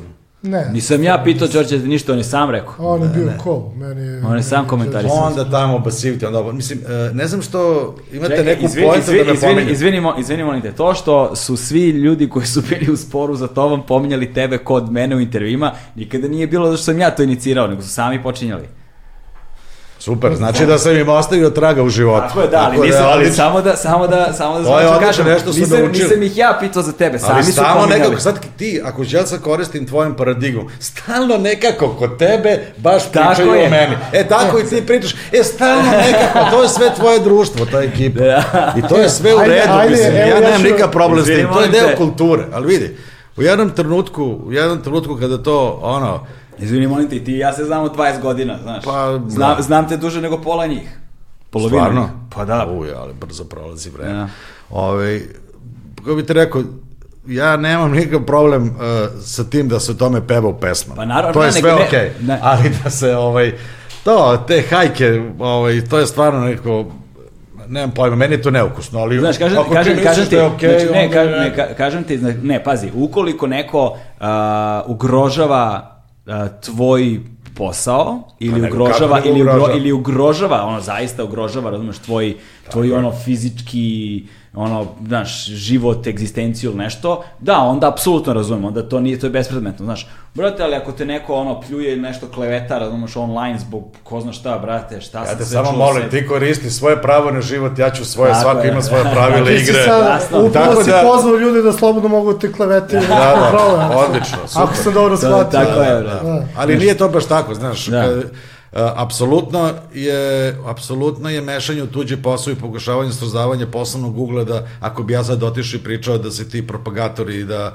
da varaš i da, da, da te plaćaju iz ove kako se zove, zadužbine i ne znam šta već. Mislim, kako ti rekao, i ti bi, naravno, bi tvoj posao bio ugrožen, pa bi onda ovaj tvoj Sponzor rekao, pa vidi, ovaj nije baš neki novinar, nego je on neka propagandna mašina za neku interesnu grupu, pa možda neću da mu dam pare. Da. Pa bi se ti onda dosta loše osetio u tom trenutku. Da, Da, sad znaš kapiraš da. da. bi se loše osetio? Ne, kapiram, znaš, Ili kad ali bi se ja to- obratio, recimo, ne daj Bože, ovima rekao, vidi, ovo je propagandna mašina, neće da nas pozove u emisiju da kažemo šta imamo Ne, da ja kažemo, mislim- ne, ja samo onda ti izgubiš biznis zbog toga. Ne, ja samo Šta mislim, ja, sam, ja samo mislim, ja samo mislim da, A samo da je misliš- način, da, sa- na, način, na, način na koji ti ja doživljavam za početak društvene mreže, kaže. A Nije, nego ti strane... malo to relativizuješ u korist svojih ortaka. Nije frka kad evo, je vidiš, na društvenim mrežama. Evo, evo sad, to pa apsolutno nije tačno. Znaš, na, A što se relativizuje me, to? Ako pazi, nekog vređaš, nije bitno da li ga vređaš na televiziji, radiju pazi, ne, ili na Twitteru. Si, ne, Nemoj da ga vređaš. Možda pazi, tu si, za tu si, pazi, tu si, da se razumemo tu si apsolutno u pravu, što se Hvala. tiče, što se tiče, što se tiče um, što se tiče vređanja, uvreda, što se tiče eventualnog ugrožavanja. A ja sam samo tužio te koji su me vređali, tu si, tu si, ne, tu si, da kažem, tu si apsolutno u pravu, tu nemamo nikakav problem, znaš. Ovaj, ono što samo ja hoću da kažem, a gde grešiš, jeste ja apsolutno ne relativizujem ništa, nego... Kako ne relativizuješ, što si rekao, ti, ma nema veze, ti, to je na Twitteru. Ti, ti, pazi, ti doživljavaš kao relativizaciju, ali ja ti kažem, ne relativizujem, nego ja zaista tako vidim. Znaš, ja zaista, ja zaista... To tako Molim da mi razmišljamo na isti način, stav, to je stav. Samo okay. da se, da se odmah... Ja to poštujem, ti imaš svoj stav, mi imamo da svoj stav. Odmah, da, se, da se odmah razjasnimo. To je ta generacijska razlika, da. verovatno. Pazi, malo ono, ono što ima veze, ako mogu samo da se vratimo malo na, na, na ove teme, jel? mada je sve tema, koliko sam shvatio. Yes. Ovaj, a, to baš odgovorno za, za, za ono što su u javnosti kaže, da li na ovaj ili na onaj način. Sad, evo, vraćam se na ovo. Znači, deset dana pre nego što mi od suda dobijemo bilo kakvu predstavku, bilo kakav podnesak, bilo kakvo obaveštenje o čemu se zapravo radi. A, mediji su puni toga u tom momentu. Niko nas, odnosno izuzev ono čast izuzecima što su nas pitali, to je stvarno po dve rečenice manje više. Mm -hmm. Ove, bilo, ove, I onda dolazimo ovde u situaciju da je to znaš, ja to nisam dobro shvatio. Gospodja Maja je ovde rekla, kod tebe u podcastu je rekla da jednostavno je došlo moment da, da smo mi morali da se obratimo javnosti. Ja to baš nisam razumio. Ne razumem moment morali smo da se objasnimo. Znači, podneli su tužbu, inicirali su e, akciju inspekcije, zaplenili nam robu, sve. I onda su na kraju oni zbog žiga i zato što je to jao strašno, mm -hmm. onda su oni morali. Zašto? Podneo si tužbu koju si najavio na društvenim mrežama ili na sajtu, više ni ne znam. Preko medija. Što si ti morao? I onda, kad su već to uradili, poziva se na neki grozni, zaista, ako je tačno, naslov, naslovnica kurira, gde je, ne znam, rat, Milan, ne znam u kom kontekstu je stavljeno. Da, Stvarno, ne, nešto je grozno. Neki kretenski naslov je bio. Vidi, da. u tom kuriru, Nisam čitao, ali ne može da bude nas, jer kurir nije nas pitao bilo šta. Da. Niti Nisam je bilo šta naše... javni znači, diskurs. oni su, oni su, digli, oni su digli javnost i hteli su da ispinuju javnost, jer da se ne lažemo. Svi ti ljudi, te sudije koje odlučuju o ovome ili onome, neću ništa da insinuiram, ali su ljudi od krvi i mesa. Oni kada dođu u kući, uključe TV ili odu na internet da vide vesti, ovo ono, vide temu što su imali predmet na stolu, pa kažu čekaj da vidim šta je. Nas tu nema. To nije naš model. I onda ti posle 10 dana kampanje, ovakve ili onakve, plaćene, neplaćene, nije važno. O, vesti koje si ti pustio u javnost, jer za Boga morao si, onda se zgražao što je kurir objavio, mogu da objavi samo njihov deo priče. Jer za naš nije, nije se interesovao uopšte. Niti bi mi u tome učestvovali. I onda si kao, jao, strašno kako sam se ja osjećala. Pa čekaj. Ove, ovaj, ali kad smo sad već, kad smo već pominjali sve ove neke stvari, a, a, na Twitteru su se baš oglasili da ko beše Relja i Bojana, je li tako? Da li je na Twitteru ili da je već, da je, da je njih uhapsio SBPOK, služba za borbu protiv organizovanog kriminala. Stvarno? Da, u vezi sa... sa, sa Uhapsio ih je. Stvarno, ili privedeni, ili privedeni su, znaš, sad uhapšeni. A? Zbog čega? Pa ja, koliko sam ja razumeo, zbog uh, problema sa maskomom. Vidi, mi sve Ne, probleme, pitam, pitam. Ajde, ajde ovako, Dobra, znači, ja sam. znači, stvarno ne znam o čemu se radi. Znači, okay, ne znam. Šta, da. prvi put čujem za, za informaciju. Mm -hmm. a, ovaj, a, ono što znam, sve probleme koji su postojali na relaciji Relja, Passivity, mm. a, Bojana, su rešeni. I to su rešeni na zadovoljstvo svih. Mm -hmm. I ako postoji neki problem, da. ne bi trebalo da je vezan za nas. Je li istina da izvođači potpisuju non-disclosure agreements o klauzulu proverljivosti pri raskidanju ugovora? Molim? Je li istina da potpisuje NDA? Pa NDA se potpisao, samo ti u bilo koju ozbiljnu firmu danas potpišeš NDA. Pa nije, tajna. nije, Ne, to nije imamo- mi uobičajeno. imamo- ne, ne, ne, A što je ne. to isto kontroverzno? Ja sam Pa ne, Ne, samo mi imamo- pričam. Pa ne, ali pitaš stvarno teljnici, na NDA potpisuje sva, pa ti potpisuješ NDA sa Red Bullom. Ne. Potpisuješ. Sa bilo kojim, to nikad nisi u životu potpisao NDA. Pa danas u koju god ozbiljnu firmu na svetu uđeš, prvo što ti Potpisao stave na sam stoji jedan. NDA. Potpisao sam pa jedan. onda ne znam šta je, budeš radio šta je tu onda čudno. potpisat ćeš još Pa kao je, kad budeš malo ozbiljnije radio, bit će tu još. Vidi, znaš čemu se... Mislim, ne razumeš, pa kako, se- pravi, praviš Baca kontroverzu, pa ne praviš kontroverzu od non-disclosure agreementa koji je deo normalne poslovne prakse svuda u svetu, pa i u Srbiji već 20 godina. Pa naravno da se potpisuje non-disclosure agreement. ajde ako Svašta. mogu, ako mogu samo pojasnim da, Ne, ne, da demistifikujemo Znaš, mistifikujete Znači, malo šta je- tumače. šta je- znači, Ali dobro nama je fora, znači ja mogu u SBPOG da pošaljem da hapsi ljude po gradu, baš sam moćan, dobro je to. Ove, šta, znači, NDA ugovori, znači, da, dešava se da tu i tamo potpišemo, dešava se da ne želimo, prosto mi ne želimo da se licitira u javnosti sa našim poslovanjem u kontekstu koji mi ne želimo. Okej. S jedne strane. Sa druge strane, e, neretko se dešava kada stupamo u kontakt prvi put sa nekim izvođačem, poslovnim partnerom za ovu ili onu stvar, sad nebitno je, e, za same pregovore nam je potrebno NDA. Zašto? Mi želimo da to ostane između nas i našeg eventualno, da ćemo da sarađujemo, da ostvarimo, nije obavezujući. Mm -hmm. Druga stvar, ugovori koje mi ponudimo kao predlozi, mi ne želimo da to bude, to je neki know-how koji mi smo godinama sticali i ne želimo da to po principu copy-paste ide dalje. A većina u drugih gledamo svoje ugovore. Jednostavno postoje neki opravdani interesi koji zaista nemaju ne, neku zlu pozadinu. Zašto se to radi? Jer da, ovo što je Loka rekao, koliko god možda surovo da zvuči i nije na nivou e, burazerske ekonomije, ma ajde, ma to ćemo ovako ili onako. A, mi zaista funkcionišemo kao neka vrsta, ne kao neka vrsta, nego kao firma, kao kompanija. Tačno se zna ko Kako šta radi, vrsta? kolika... Kao Ne, ne. ne, ne, nego zašto? Sad te i on relativizuje. Jeste, sad sam Jeste, potpuno sam, sad potpuno sam napravio, poništio, da, poništio sam sve što sam rekao. Vi ćete to u montaži Da, što da, je da, rekao da. onaj čika, da, da. Mi ćemo da to A, pošalje da, račun, da, nije da. problem. Da, da, dobro je, sad dok se smemo, sve u redu. E, dakle, e, šta ću ti, firma nema emociju, jednostavno nema, sad to može da se gleda jao monstrum i jao ovo, nije, tako. Svako od nas zna, znaš, i kad se potežu te neke priče, znaš, meni je iskreno ova, evo sad, sad opet se vraćam, jel, ta izjava, a, vi ste zapravo tužili Milana, njemu osporavate. Ništa to, to je, kako ti kažem, to je, to je nivo ono udaranje na, na neke najniže emocije koje mi sebi ne dozvoljavamo. Mi nismo uh, profil uh, model poslovanja nije diskutujem sa tobom, sa bilo kim, sa firmom i njenim nalogom preko društvenih mreža. Da. Sa pojedincem. Ne. Sam si rekao u uvodu, vi ste dali možda jedno saopštenje ili to za sve te... Da, da zato što nešto- mi... ovdje što sam ja video, to jest. I najzad ću ti reći ono stvar što je jako važno, to, znači, ok, sud, već smo ispričali, ništa strašno dešava se. Gomila stvari ne dobije na kraju sudski epilog, jer se u hodu ove, stvari reše na ovaj ili onaj način. Ali fantastična uopšte ideja da, ovaj, da, da svet živi u harmoniji uh, i onda da eto nešto iskače. Ovaj svet apsolutno ne živi u harmoniji. Mislim, u porodici nema harmonije, ljudi se svađaju, vode se ratovi. Ljudi, uh, suština odnosa u civilizaciji među ljudima, među homo sapiensima je konflikt, nije harmonija. 90% odnosa na zemlji planeti su konfliktni odnosi.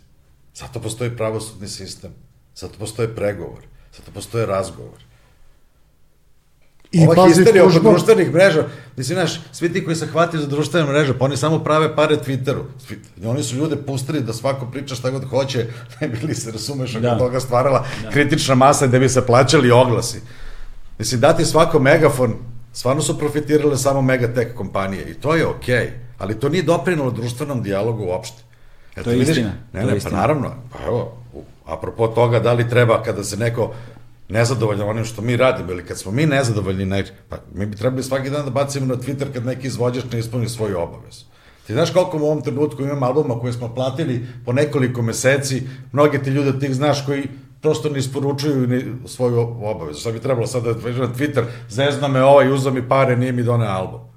Mi u ovom trenutku ima nekoliko stotine hiljada evra investicije, raznorazne snimanja, ovakva, onakva, gore do. Ljudi kasne po šest meseci godinu dana. Šta bi trebao da radi? Sad svaki dan da srđan gleda, vidi, aha, nije ispunio, vidi ovaj. A, sad ćemo na Twitter. Da. Šta je? I, ka, I da ga ogolimo, džubre, uzo nam pare, nije isporučio album, mi ga čekamo već osmi mesec. Da.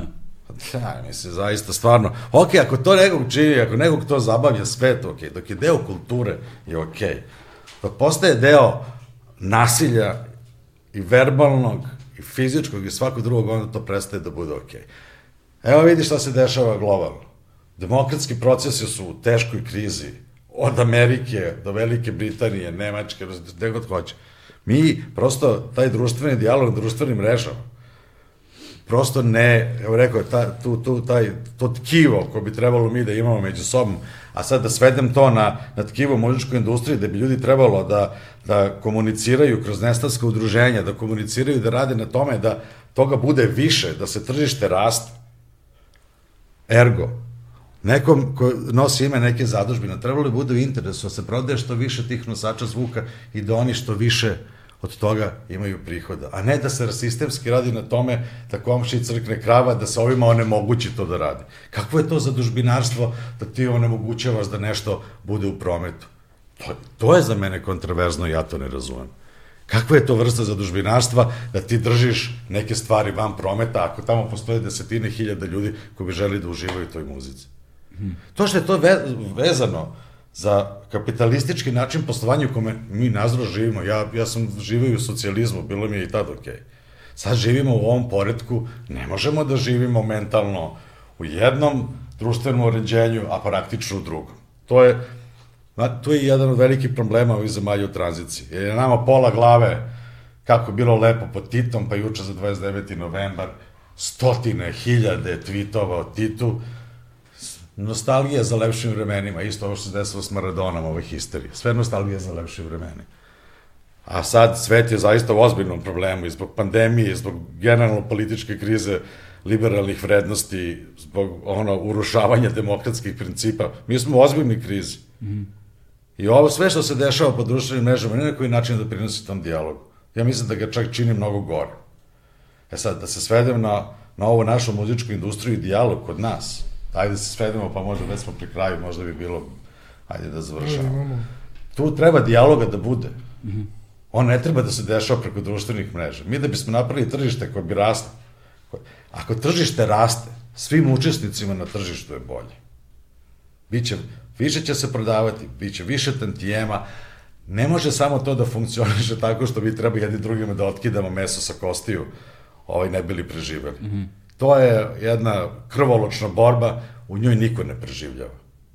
I ta paradigma koju smo mi ovde, kako bih rekao, usvojili, ja to često kažem, znaš, ovde se uđe na teren, rezervni igrač ne da go, nego da slomi centarforu nogu. Mi igramo tu vrstu utakmice ovde.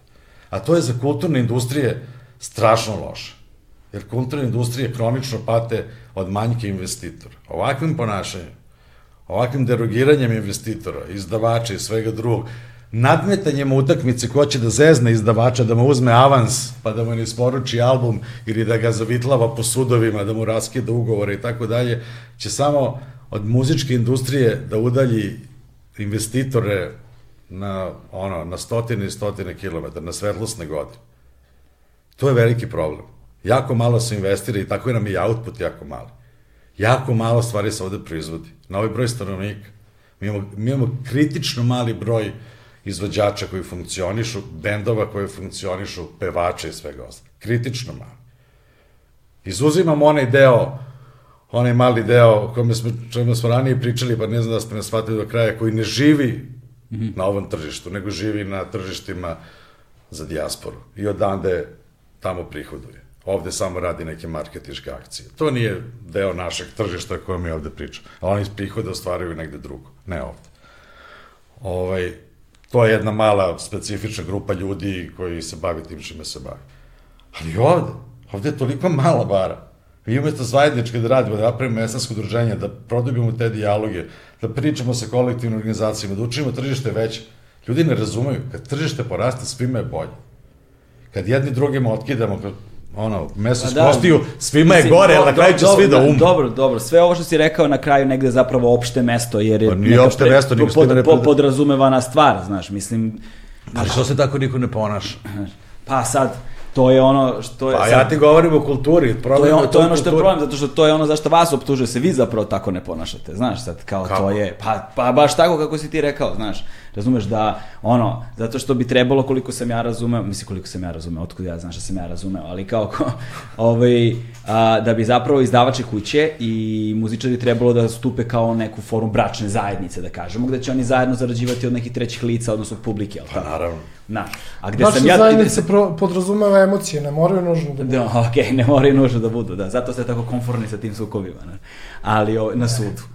Ali, ovaj, ali, ali, ali se negde kao, barem, barem se iz tih koliko su osnovali, osnovane ili ne, ne ulazim u to, stiče utisak kao da zapravo vi a, ne stičete, ne, ne uzimate zapravo od publike, nego od tih muzičara. Oni se, za, znaš, Kakva al- zamena teza? Da, ta, ta, Pa, da. pa čekaj, mi fin, sam ti ja već rekao da mi finansiramo i dajemo paru napred. Da. Od muzičara uzimaju i oni koji, koji tu priču promovišu. Da. Avansno dajete Ne, ne. paru napred, što znači Čekaj. da su to, to je zagarantovan povratak nova sredstava, ali tako? Kako je, čekaj, ti pa, čekaj, ti misliš Pa da ne, ako se nešto da avansno, da će se to sigurno vratiti. Ti misliš da, pa kako? Ugovorom, Pa koji tačno logici?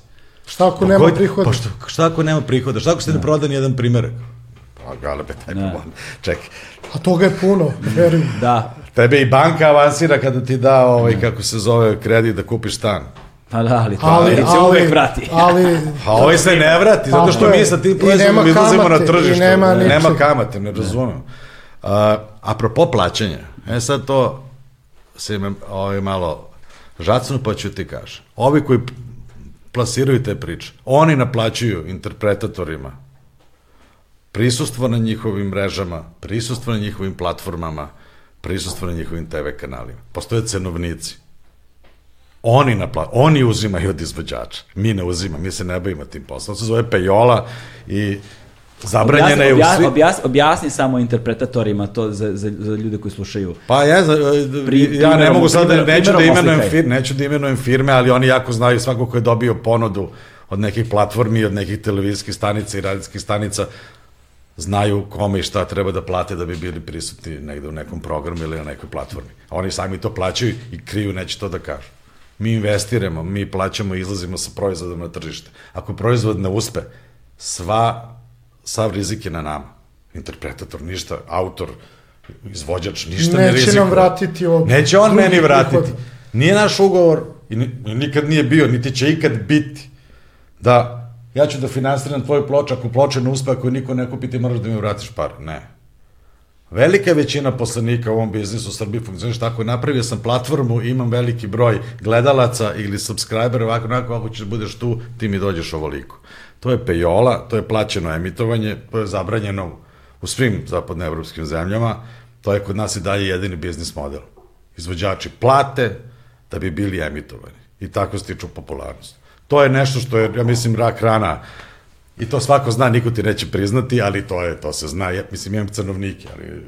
To, to stranci ne mogu da shvate. Mi To niko ne može da shvati. Mi smo jedina sa- zemlja koja to radi i to niko, ovaj, niko tome ne staje na put, a onda se s nama spočita da mi zarađujemo od izvođača. Bože, svašta.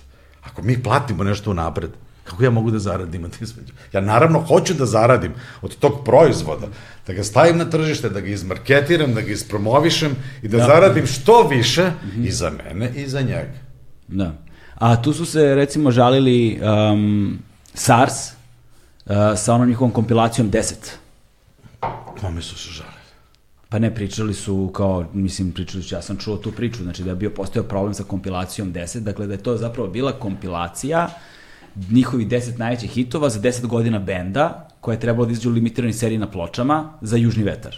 I da je fora konceptualna bila da to bude Južni vetar i da je onda to izašlo Pa, na to se diskovima. ide desilo. Da, i da je to, ali da je to posle van on njihove njihovih dogovora sa njima izašlo na CD-u sa još dodatne tri pesme bez južnog vetra. Vidi, e, samo napomenu, znači, stvarno ovo je potpuno novi moment. Znači, ne znam kome su se žalili, da su opet na, na društvenim mrežama Da. oni ili, Ili neko ti imaš neke tajne. Ili imaš, ili, si Ili se ti razgovarao. Ja, ja, ja, ja sva E, sreća ne moram da sad- otkrivam izvore svog informisanja. Da, sad, e, sad, Pa da. znači, što se toga tiče, znači, mi imamo ugovor sa o, o, o jednom, jednim privrednim društvom, zapravo ovaj, privrednim subjektom, a, koji podrazumeva SARS katalog.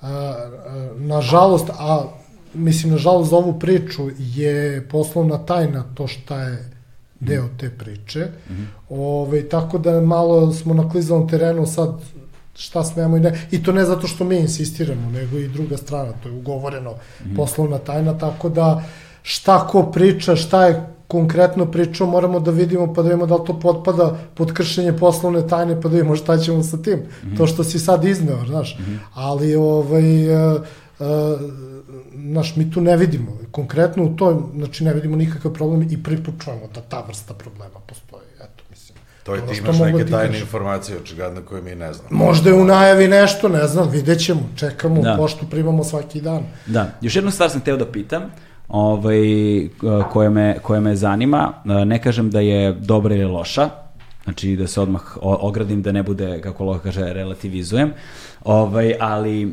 kad... Dakle, loša. Dakle, loša. pa, zato što, znaš, pazi, vi ste tražili da gostujete ovde, ja sa zadovoljstvom razgovaram sa vama, ali moja dužnost je da se pripremim da pitam.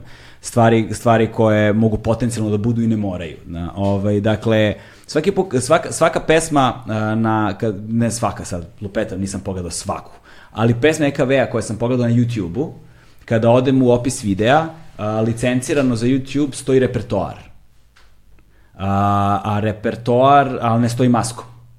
Znaš, a onda kada se pogleda u APR-u, ti si nosilac e, kompanije repertoar. E sad, moje pitanje je a, kako, ovaj, zašto bi repertoar bio, lice, zašto bi se repertoarom licenciralo za YouTube? To potpuno irrelevantno, mislim, to je... Pa ne znam, zanima me samo. Da, pa ne, ne znam šta ti odgovorim, nema nikakve Taj zabe. repertoar zapravo nije uopšte ovaj repertoar, to je druga firma inostrana firma i zove se repertoar. A to je stvar unutrašnje pa, politike. Šta ti piše na raznoraznim, sad opet pravite, znači odeš na, na, znači, na svakom YouTube opisu dole postoji postrednik koji to stavlja na YouTube. -hmm. Merlin za ovoga, ovaj za onoga. Dobro, koja je logika iza toga? Pa objasni mi. Ti objasniš svoju poslovnu logiku, to je stvarno, mislim, nije nešto, to je stvar poslovne odluke. Pazi, ono, ono što, e, e, znači ono, priča si da smo suviše kao neka opšta mesta dodirujemo i tako dalje. Evo, ja ću, ja ću konkretno da se vratim vezano za žigove koji su mhm. te, čini mi se, negde smo ih izgubili. U, Aha, da. Znači, a, konkretno, ajde ovako, znači, statut zadužbine Milana Mladenovića, primjer radi, kao proklamovao svoj cilj, znači statut je ustav u okviru zadužbine, najvažniji akt je statut kao jedan od ciljeva kaže ovako. Ciljevi zadužbene su, pa 1, 2, 3, 4, da nego i pomaže sve vrste naučnih, obrazovnih, književnih, muzičkih, filmskih, video ili televizijskih radova i manifestacija posvećenih životu te i delu Milana Mladenovića. E sad ti meni reci, da li je time što si odmah čim si video, bar tako je rečeno, pustio neku, neki predlog za privremenu meru, to podstica i podrška muzičkim manifestacijama koje slave lik i delo Milana Mladenovića. Koliko se to uklapa u taj koncept? Sve ću ti kažem, ovde, konkretno u tvom podcastu, je izneto indirektno, kad se daju, rade izdanja, da mi tebi donesemo uh, vinil box set, ovo ono, kako oni mogu da izdaju vinil box set kad nemaju fonogramska prava niti jednog jedinog EKV snimka. Ne mogu nikako. Znači, opcija je jedan, dogovore se sa zakonitim vlasnikom nekog od snimka koji žele da izdaju i opcija dva, po meni, je ajmo sada u medijsku kampanju da to ispinujemo pa će oni popustiti, kao što se između ostalog i slali signali, ajde da pričamo i dobio je Loka preko zajedničkih prijatelja, ajde javi se ovome ili onome iz zadužbine. Tako da, znaš, E, e, znaš, ne treba stvari prikazivati crno-bele. Mm -hmm. Znači, ljudi su dovoljno pametni, cenim tvoju publiku i sam sam jedan od njih, pa eto, Hvala, to, da? hvala. Ali, ali ovaj, znaš, ljudi trebaju da razmisle, znaš, nije ovo stvar sviđanja, nesviđanja. Mm. Ovaj mi je antipatičan, ovaj mi je bez veze, ne volim Srđana ili Loku ili Galeb mi je baš grozan. E, pričamo ovde o konkretnim stvarima, ovo je statut ono je testament, ovo je, ne znam, finansijski izveštaj u kome piše da isplaćuju zapravo neke naknade kome, ne znam, ali po onome što su rekli, ne isplaćuju navodno nikome, a sami su prijavili u APR svoj finansijski izveštaj za 2019. Znači, postoji mnogo stvari koje nisu okej. Okay. Znaš, kako jedan advokat može prava svog pokojnog klijenta da i dalje na neki način rukovodi njima, da ima veze s njima, da se pita za njih, da budu skućena pod njegovim krovom. Kako neko ko je kupovao e, i pokušavao da otkupi fonogramska prava od, ne znam, Dule Tercigovca koji je trgovao njima, imamo ugovor koji je trajao godinama, da li on isplatio tim koautorima čim pravima je raspolagano, by the way, i jedan jedini dinar? Zaista je pitanje da se zapitamo svi. Ja se nadam zapit, zapituju, da će se zapitati i, ne znam, istraživački neki novinar ili nadležni organ, što da ne. Mislim, kako ti kažem, znaš, Vidi, suviše se nije, vraća... Nije privredna grana. Mislim, to mora da se shvati. To on... Suviše se stvar vraća na jedan, na, na, upućuje na... Znaš, mi imamo ovde, ja, uh, mi imamo ovde kao, uh, oni su ovaj dokument izneli, Milan Odenović zaštitio znak e, e, Katarina Velika kao žig, jel tako? Mm -hmm. I kao eto, odatle mi vučemo pravo. Prvo, svaki znak koji nije u bazi a, Zavoda za intelektualnu svojinu zaštićen kao žig, može da zaštiti bilo ko. Dakle, ti galebe si mogao da odeš i da zaštitiš je Katarina Velika najnormalnije. Možeš sad da odeš, recimo, da zaštitiš električni orgazam. Što da ne? Ili ne znam, šta god. Ukoliko nije zaštićen. Ukoliko nije zaštićen, mislim da ajde da ne otkrivam, možda dajem ideje glupe. Da. Ali šta hoću ti kažem, ne postoje nikakvo mo više moralno pravo. A za ne treba recimo to, za žig tipa se ima neka osnova na osnovu koje bi ja... Ne, da ne treba, ne. Zato je to e sad šta je, šta je point? Šta je poenta? Znači pozivaju se na Milana koji je uh, registrovao uh, Ekaterina Velika znak 85 za vrstu, ajde kažemo, robe i usluga izvođenje muzike ej, to jeste njegova, njegov, ajde da kažemo, proizvod bio, izvođenje muzike, tako? I sasvim je normalno. Na kraju svi zaboravljaju da su se oni zvali Katarina druga, da su prestali da se zovu Katarina druga, zato što je tada bivši član kada je odlazio rekao ja polažem pravo za taj bed, oni su se već etablirali kao Katarina druga. I onda da se, i rekao ja položem, zabranjujem vam da, da, da, ja položem pravo, zabranjujem da koristite to ime dalje, pa su morali praktično da preinemo Katarina druga i Katarina velika su ista osoba, da se da. razumemo, ono, ko ne zna. Uh, Dakle, oni su, oni su... Pa neki ovaj, ne znaju, hvala se. Da, znači, znači ovaj, oni su... se za ono malo. da, ovaj, a, kako se zove, oni su, Milan je to uradio da bi zaštitio sebe, njegov motiv je bio, neću da mi se ponovi da ulažem u neki bend, da stvaram neko ime i onda neko ode i ono, nego ću ja to da zaštitim. I to je okej, okay. on štiti svoj, po znacima navoda, proizvod, ono što je radio. I to je, znači, njegov motiv je bio da zaštiti sebe i bend. Sa druge strane, pitanje je šta je motiv zadužbine Milana Mladenovića, koji za vrstu robe i usluge, EKV, registruje nosače zvuka, za koje nema pravo, nema ni jedan snimak koji može da izdaje na nosačima zvuka. Osim ako nema ambiciju da bude privredno društvo pa da se bavi izdavaštvom. Tako je, tako je. Sve ukazuje na to, ali to nije zadužbinarstvo. To nije, kada, za to nisu dobili. Tako, onda budi firma. Onda bude firma, firma, pa uđi na tržište, pa funkcioniše kao firma, Tako nazovi se kao I šta god hoćeš, deša, šta i učestvuje tržišnoj utakmici. Kada, onda može.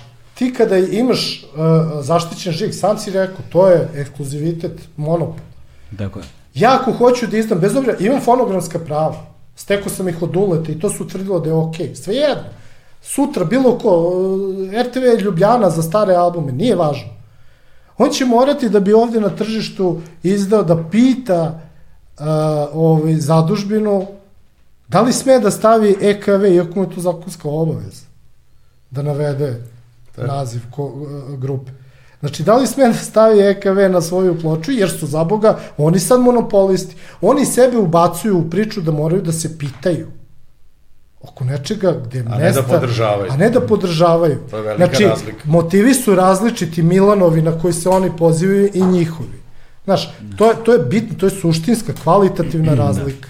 Znaš, I vidi, svojatati nešto što je kulturno nasledđe u 2022. godini za nekoga ko je, nažalost, strano preminuo pre ono nekoliko desetleća za nešto, to je stvarno pre 40 godina, 2021.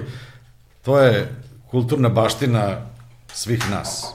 Svojateti to na putem te, ajde da kažeš, jedne vrlo upitne, pravno-formalne ovaj, transakcije kao što registrovanje imena žiga i pokušavanje stavljanja kako bih rekao, nekog, ne, nekog monopola na korišćenje tog imena je nekako kulturno neispravno. Sad svaki put kad neko hoće da napiše neku knjigu o EKV-u, kad hoće da napravi neki citat Milana Mladenovića, kad hoće da objavi neku, neku ploču, mora da ide da traži dozvolu. Mm -hmm. Mislim, pazi, i sam Nikola se pozivao podrazumeva, na... podrazumeva plaćanje Plaćanje nakrade, tako A kad smo već kod toga, kod uzimanja para, mislim da je vrlo bitno da srđane, da, da, da kažeš ovaj, kako se ostvaruju prava i drugih autora bez ikakve dozvole. Pa mislim, tu smo imali, vidi, tu smo imali, ako je to okej, okay, imali smo primjer ovog ugovora koji je takav kakav je i ono, takav je potpisan između današnjeg upravitelja i člana upravnog odbora, prvog predsednika upravnog odbora, jel? Ove, ovaj, a ima slučaj recimo gde a, smo mi videli da je jedna domaća kompanija, opet ću biti toliko diskretan da neću reći koja, ali je velika dosta za naše pojmove, koristila a, u okviru u okviru svoje reklamne kampanje koristila a, jedno delo iz opusa Katarine Velike. Mi smo to primetili, kontaktirali su, pregovori su krenuli, odjedno su zamrli. Pošto smo shvatili da nema ovaj, mesta dogovoru, mi smo tužili kompaniju i gle čuda, ovaj, kao u Mešaš se javlja zadužbina Milana Mladenovića, koja je ovaj, koja je zapravo njen osnivač tetka Milanova, da opet ne imenujem, ovaj, je ovaj, zaključila poravnanje sa tom ovaj, sa tom firmom, sa tom kompanijom domaćom, a, pri čemu su licencirali 100% prava, iako je Milan samo jedan od koautora, 100% prava za, čini mi se, nemoj me sa, sa, za cifru, ali mislim da je 8,5 hiljada milion dinara u pitanju. Ovaj, a, 8.500 eura, misliš? Da. 8.500 da. eura, tako je. To je negde oko milion dinara, čini mi se. Ove, I da li su sva prava? Mi tu konkretno imamo dva koautora za koje Tim Dram uh, je nosilac autorskih prava. Mi smo, da bi obezbedili prihod tim nosiocima prava koji su sa nama zaključili ugovor i ta mhm. prava ustupili nama, sudskim putem potraživali to. Oni se javljaju da zaštite njih Mislim, to je potpuno nonsens. Znači, oni su raspolagali i sa Margitinim delom, i sa ostala dva koautora, kao i, gara, i, i dali garanciju da je to to, da neće se pojaviti niko ko će tražiti. I tu se sad, tu je sad u toku spor. Mislim, kažem, opet, da. ja sam optimista da ćemo mi to dobiti, ali, bože moj, ali tu je sad jako važan kontekst koji je ovde spominjan, kada, kada su predstavnici zadužbine bili, kako smo mi zastrašivali, pretili tetku, tetki Milanovo i kako a, u vezi... Znači, tako je, da, to su pominjali. Tako je. Da. Znači, to je totalni nonsens. Mi smo ženu obavestili šta se dešava. Mm. Pošto je formalno, pravno, iako je Nenad Milovanović, koji je, by the way, i njen advokat, ovaj, a, kako je Nenad Milovanović u njeno ime zaključio taj ugovor, jer je ona potpisnica tog ugovora, obavestili smo ženu šta se dešava da zbog toga zaista može da snosi štetu. Jer prode nešto što nije njeno. I nasuprot onoga što je Maja, gospođa Maja rekla da je to kao nemoguće, to je i tekako moguće. Da, a s kojim motivom ste vi slali njoj to pismo? Hteli smo da je obavestimo šta se dešava jer smo shvatili da ovde stvari ne funkcionišu dobro. Možda nije dobro razumeo. Znači, u delu u kome je reč, ne znam koje se radi, postoje nekoliko koautora. Dobro. Ovaj, gospođa Tetka je sa firmom koja je koristila tu muziku u kampanji potpisala ugovor tvrdeći da je nosioc prava na, za sve autore na toj pesmi. Mm -hmm. A u stvari je nosilac prava samo bila na delu Ivana Mladenovića koji je 30 i nešto posto. Čekaj, nisam siguran da li pričamo o istoj stvari. Pričamo o iste stvari, da, da. a, Ovo, stvari o, ta- o- pričao. ovo što je Maja pomenula u podcastu, da ste postali... Tako Tako je, da smo mi kao Samo da- navodno samo da bi sva- ne. da, da bi, ja mislim da ovde je vrlo bitno da publika shvati često se to ne razume. Ok, slušam. Jedno autorsko delo može da ima nekoliko autora. Može od jednog do novim novih hip-hop pesmama ima ih i to po 20. Da. Zato što svako pravi neki bit ili da nam dopiše jednu reč i tako dalje. Svako od tih učesnika na tom delu, autora, odnosno ko autora na jednom delu, svoje pravo ostvaruje individualno. Znači, Srđan može da ima 30% prava na pesmi toj, ti možeš da imaš 30% prava, ja 30% prava. Ne može da ode Srđan kod oglašivača i da proda 100% prava. I moja prava, i tvoja prava, i njegova prava. Svako svoje pravo prodaje individualno. Mm -hmm. Znači, pesma se sastoji od 33, ajde kažemo da je 33% si ti, autor 33%, srđan 33% ja. Zajedno smo sedeli u studiju i napravili stvari, dogovorili se da je to tako. Nema nikto, znači to je prvo, to je krivično delo, mislim, to je nepoznanica, pokošava za nekoga ko je pravnik, da on ode. Kako kad bi Srđan sad otišao i prodao tu pesmu za reklamu, da smo i ti ja unutra autori, i uzeo sve pare i tvrdio tamo da je on nosioc prava za sve to. Logično da bi ga ti pitao, čekaj Srđane, da je mojih 33%. I kako si ti mogu da potpišeš bez ikakvog papira? Ja ti nisam dao pravo da ti u moje ime pregovaraš i potpišeš ugovor i uzmeš novac u moje ime za to. To su oni uradili. Srđan se obratio, mi smo se obratili, pravna služba se obratila gospođi tetki da joj objasni šta se dogodilo i da je to protivzakonita radnja. Pošto je u njeno ime je taj ugovor potpisan. Ona je potpisnik ugovora bila. Zato smo je se obratili da joj objasnimo šta se dogodilo. Ona, ja pretpostavljam, ne mogu da tvrdim, da ona nije znala ko je šta ovde potpisivao u njeno ime. Mi smo hteli da ju upozorimo da ne dođe u problem. Jer ako, šta može da se desi konsekventno? Zadužbeni će sigurno to izgubiti na sudu, pošto su prodali prava koje nisu. Ovaj oglašivač koji će da izgubi u sudskom sporu, on će imati pravo da ode kod gospođe tamo i da traži naknadu. Jer, jer ga je dovela u zabludu i prodala mu nešto što nije smela da mu proda. Mi smo je na tu okolnost upozorili. A ovo je ispinovana priča da mi nekom pretimo je stvarno besmisleno. Mi smo ju dobronamerno upozorili da vodi računa o tome šta se u njeno ime radi ovde. Tako je. Znači, tu nije bilo nikakvih pretnji, niti zastrašivanja, niti bilo čega. Mislim, E, ono što je, stvarno je nevrovatno kako su šta ono, pričaju. ono što je vrlo, vrlo interesantno, da recimo postoje uh, masa tih nekih jednostranih akata, izjava i svega, mislim, možda je interesantno, možda i nije, meni jeste, Ove, koje je gospođa tetka, koji su priloženi, prilogani u sudskim postupcima i tako dalje, koje je sastavljala i potpisivala gospođa tetka. Ove, a, interesantno su sve te izjave ispravne ekavici. Sad za nekog ko je iz Makarske, ko nikad nije živeo u Srbiji, meni je interesantno da je eto to baš, baš ne zalomi se nigde da je neki, da, da neka reč bude malo drugačija, jel? Meni je to interesantno, prosto me navodi da se zapitam kako to, eto. Pa ima još tu interesantni pitanje. Interesantno je ovaj ta strahovita ra, ovaj dri, nesrazmera između prihoda koji se stvaraju i nagrade koje se isplaćuju. Šta je sa ostatkom para? To su pitanja za nekog istraživačkog novinara, možda vratno i za tebe. Jel tu se stvaraju ozbiljni neki prihodi? Proda se reklama ovamo, u ime drugih, što je ovde predmet sudskog spora,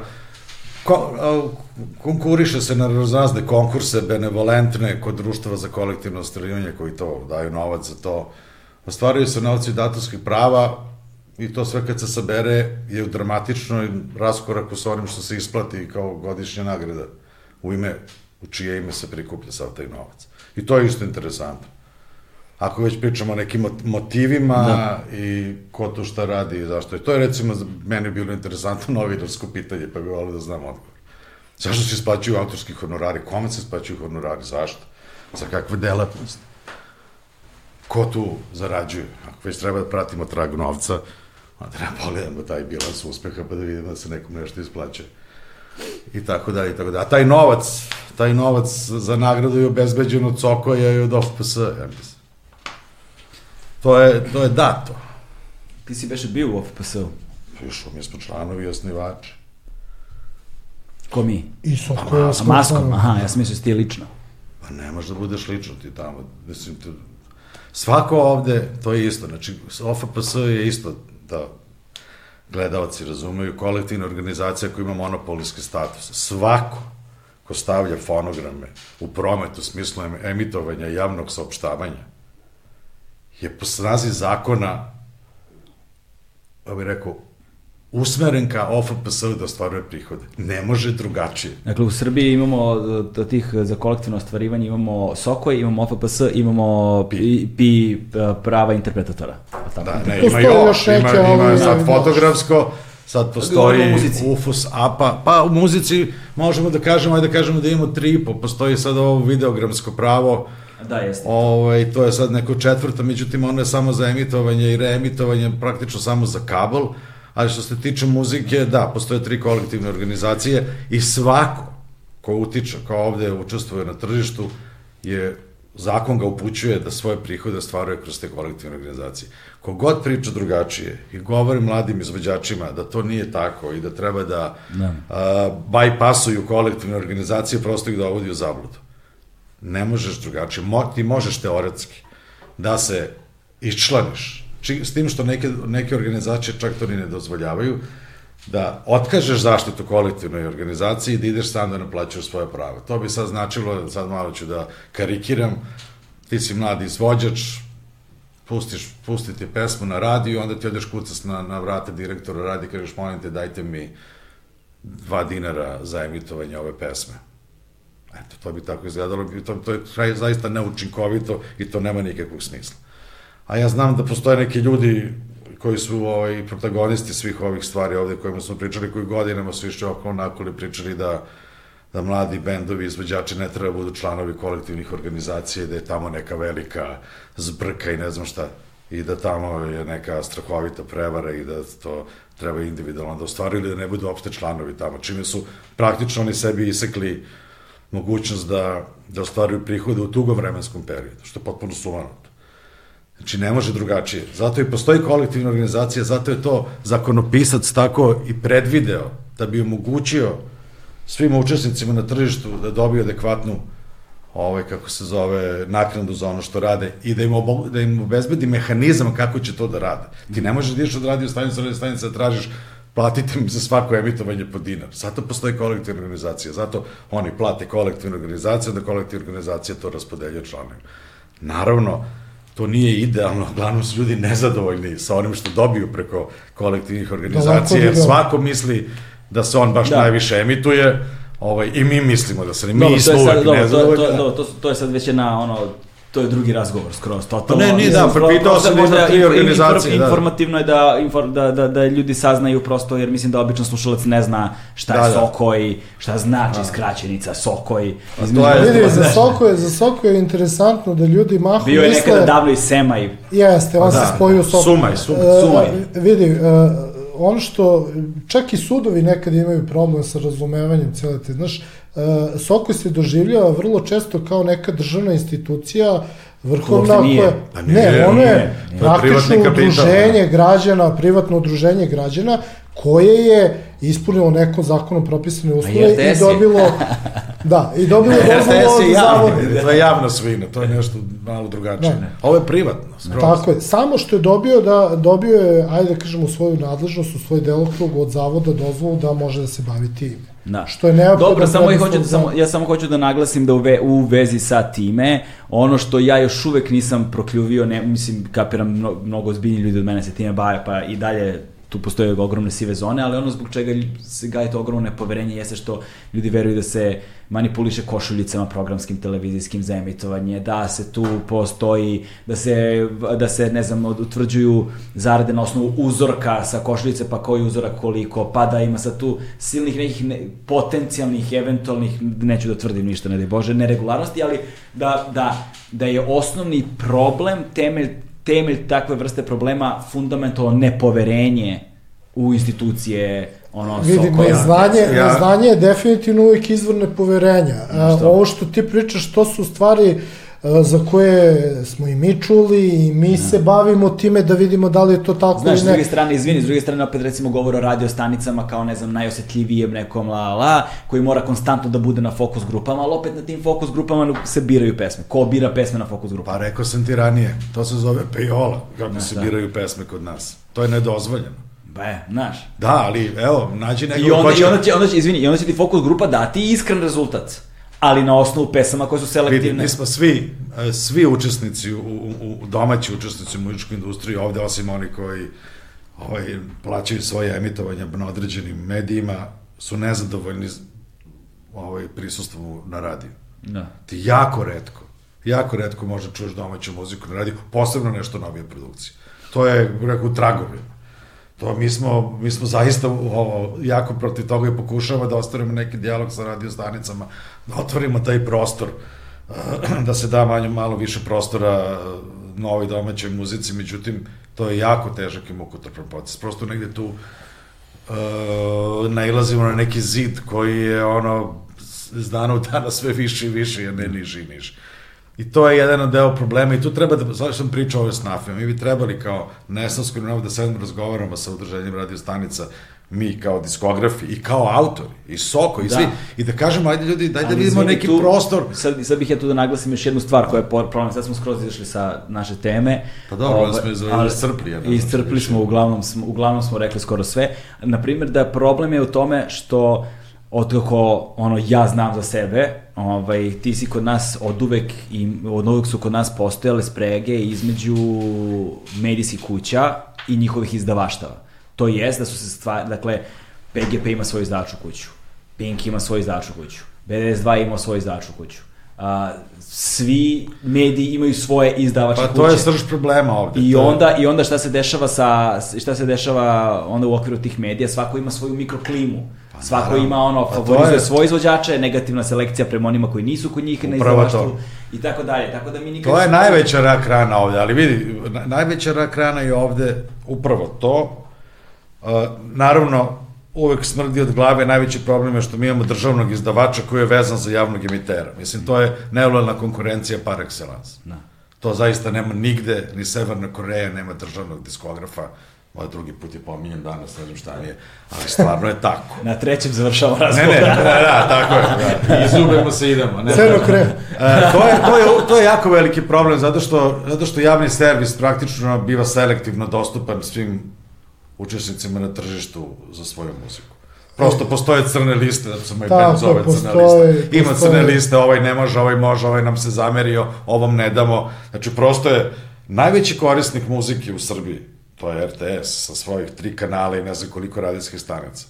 Ima selektivnu propustljivost za nas ostale učesnike na tržištu. I to je, ja bih rekao, osnovne, to je ono, to je srž svakog problema.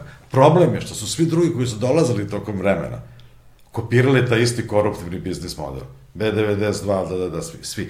Niko, tu niko nije, niko tu nije donao neki novitet. Pa, na kraju krajeva i posle i MTV sa prilepkom Lampshade Medije. Svi su trgovali medijskim, medijskim prostorom, odnos, i sve je to propalo. Nijedan od tih biznis modela nije uspeo, zato što nije ispravan.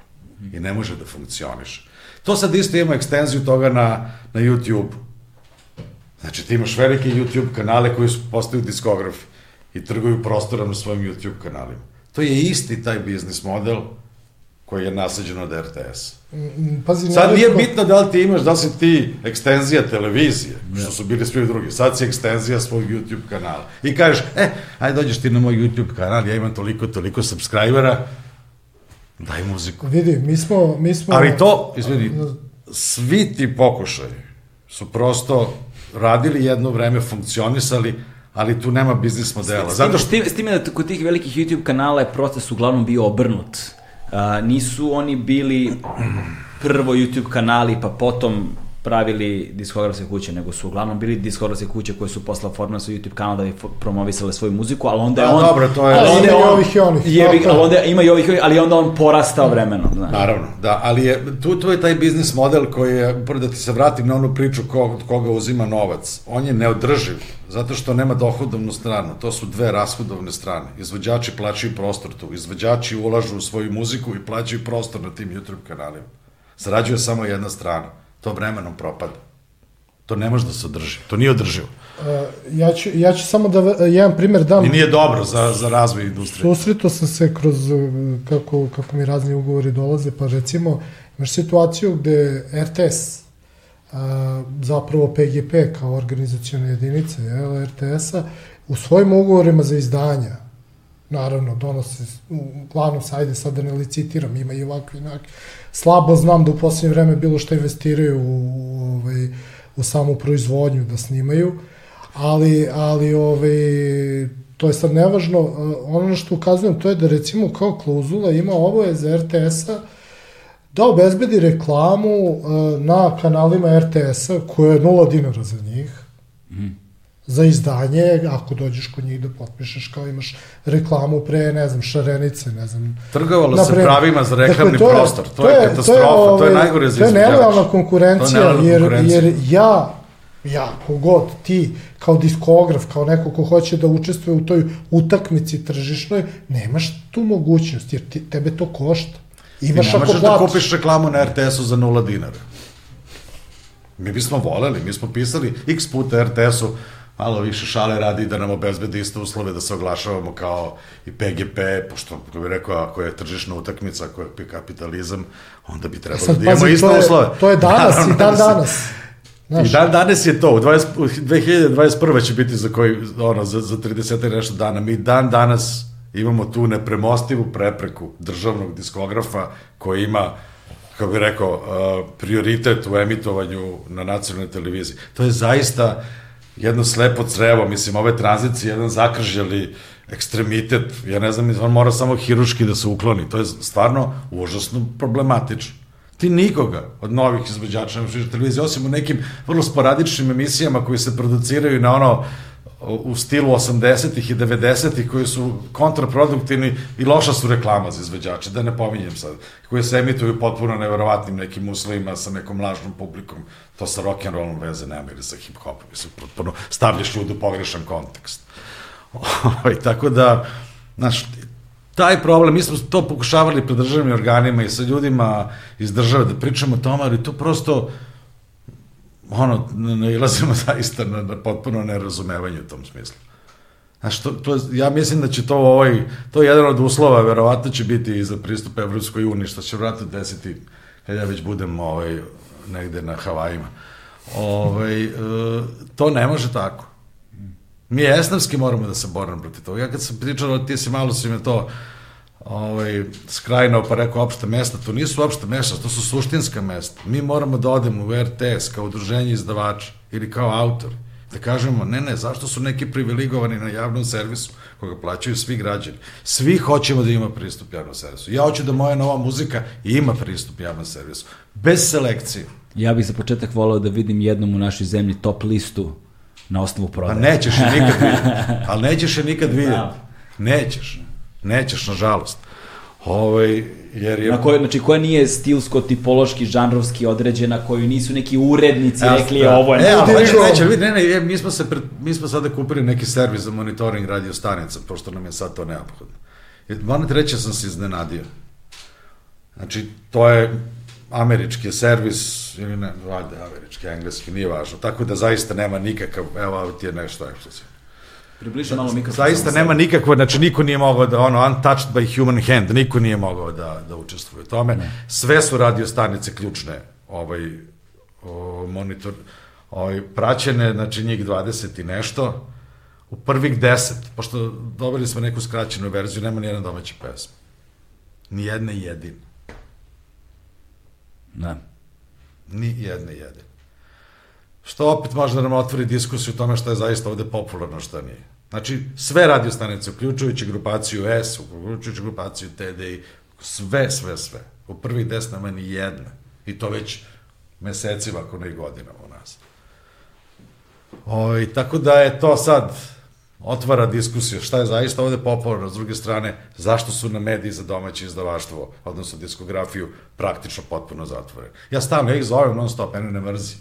I naši ljudi iz promocije i radijske promocije. Stalno je priča fokus grupa, fokus grupa, fokus grupa. Nije prošlo na fokus grupi. Nikad ništa ne prolazi na fokus grupi. Da ja znam. Sad nekako to mi je čudno. Znači, toliko se proizvodite muzike, I toliko da je popularno na da kraju krajeva. Ni, pa vidi sad, da li je popularno ili nije, to je sad da zavisi što uzimamo kao parametar. Tako i to. Ali ako, evo, ja ti kažem, u totalnom su diskrepanci cifre na YouTube-u i onome što kaže monitoring radio stanice iz Amerike. Veze s mozgom nema. Nikakve. Ja sam se iznenadio. Ja sam mislio da će biti svi ovi kako se zove ovo, ovi neofolk izvođači, bar pet, da će biti tu. Nema ni jednog. Meni to, stvarno sam se iznenadio. Jer ovo je prvi put, mi smo sad prijavili, sad imamo monitoring tih radio stanica i sad to gledam.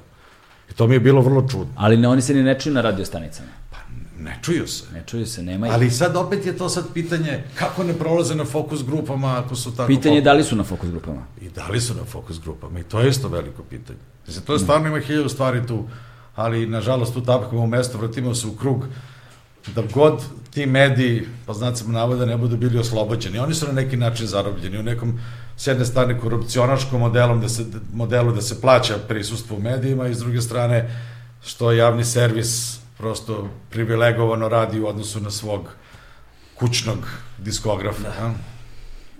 To nije dobro, mislim. Ok, mislim da smo stigli do kraja, ne moramo pomenjamo e, da. Severnu Koreju. Ubi smo lagano. Što ovo baš bilo? Severna Koreja. Severna kraj. Koreja, kraj.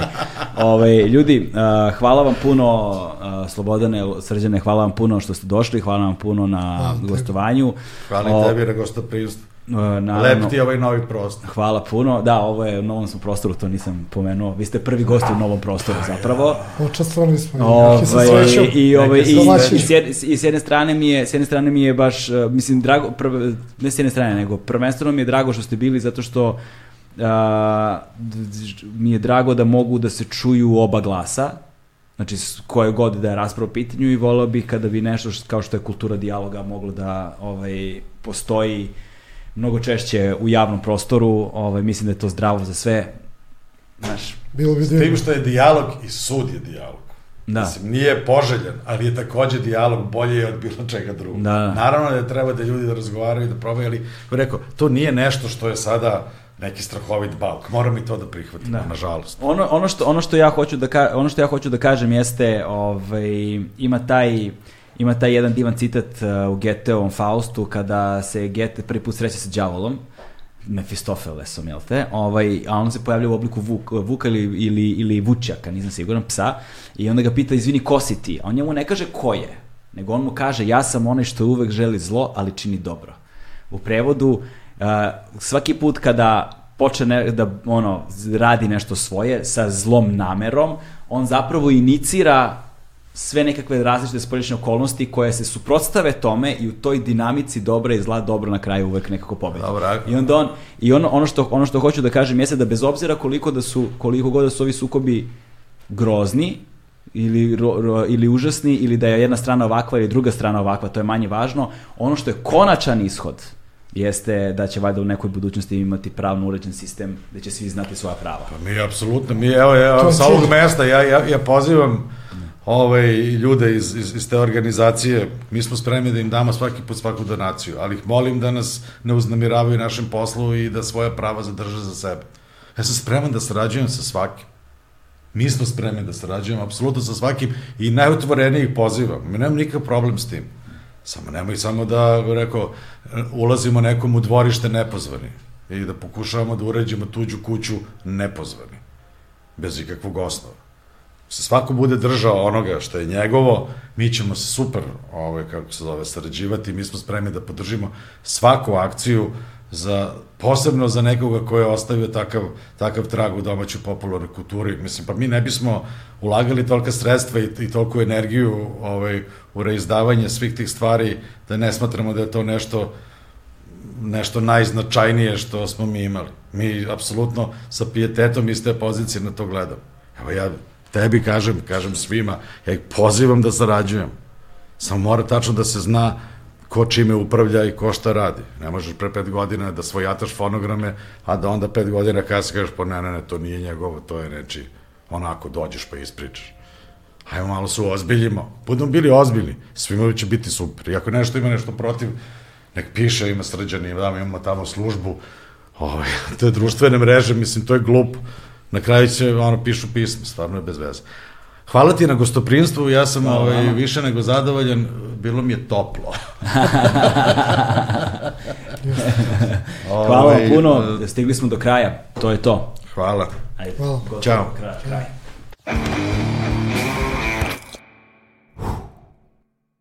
Hmm.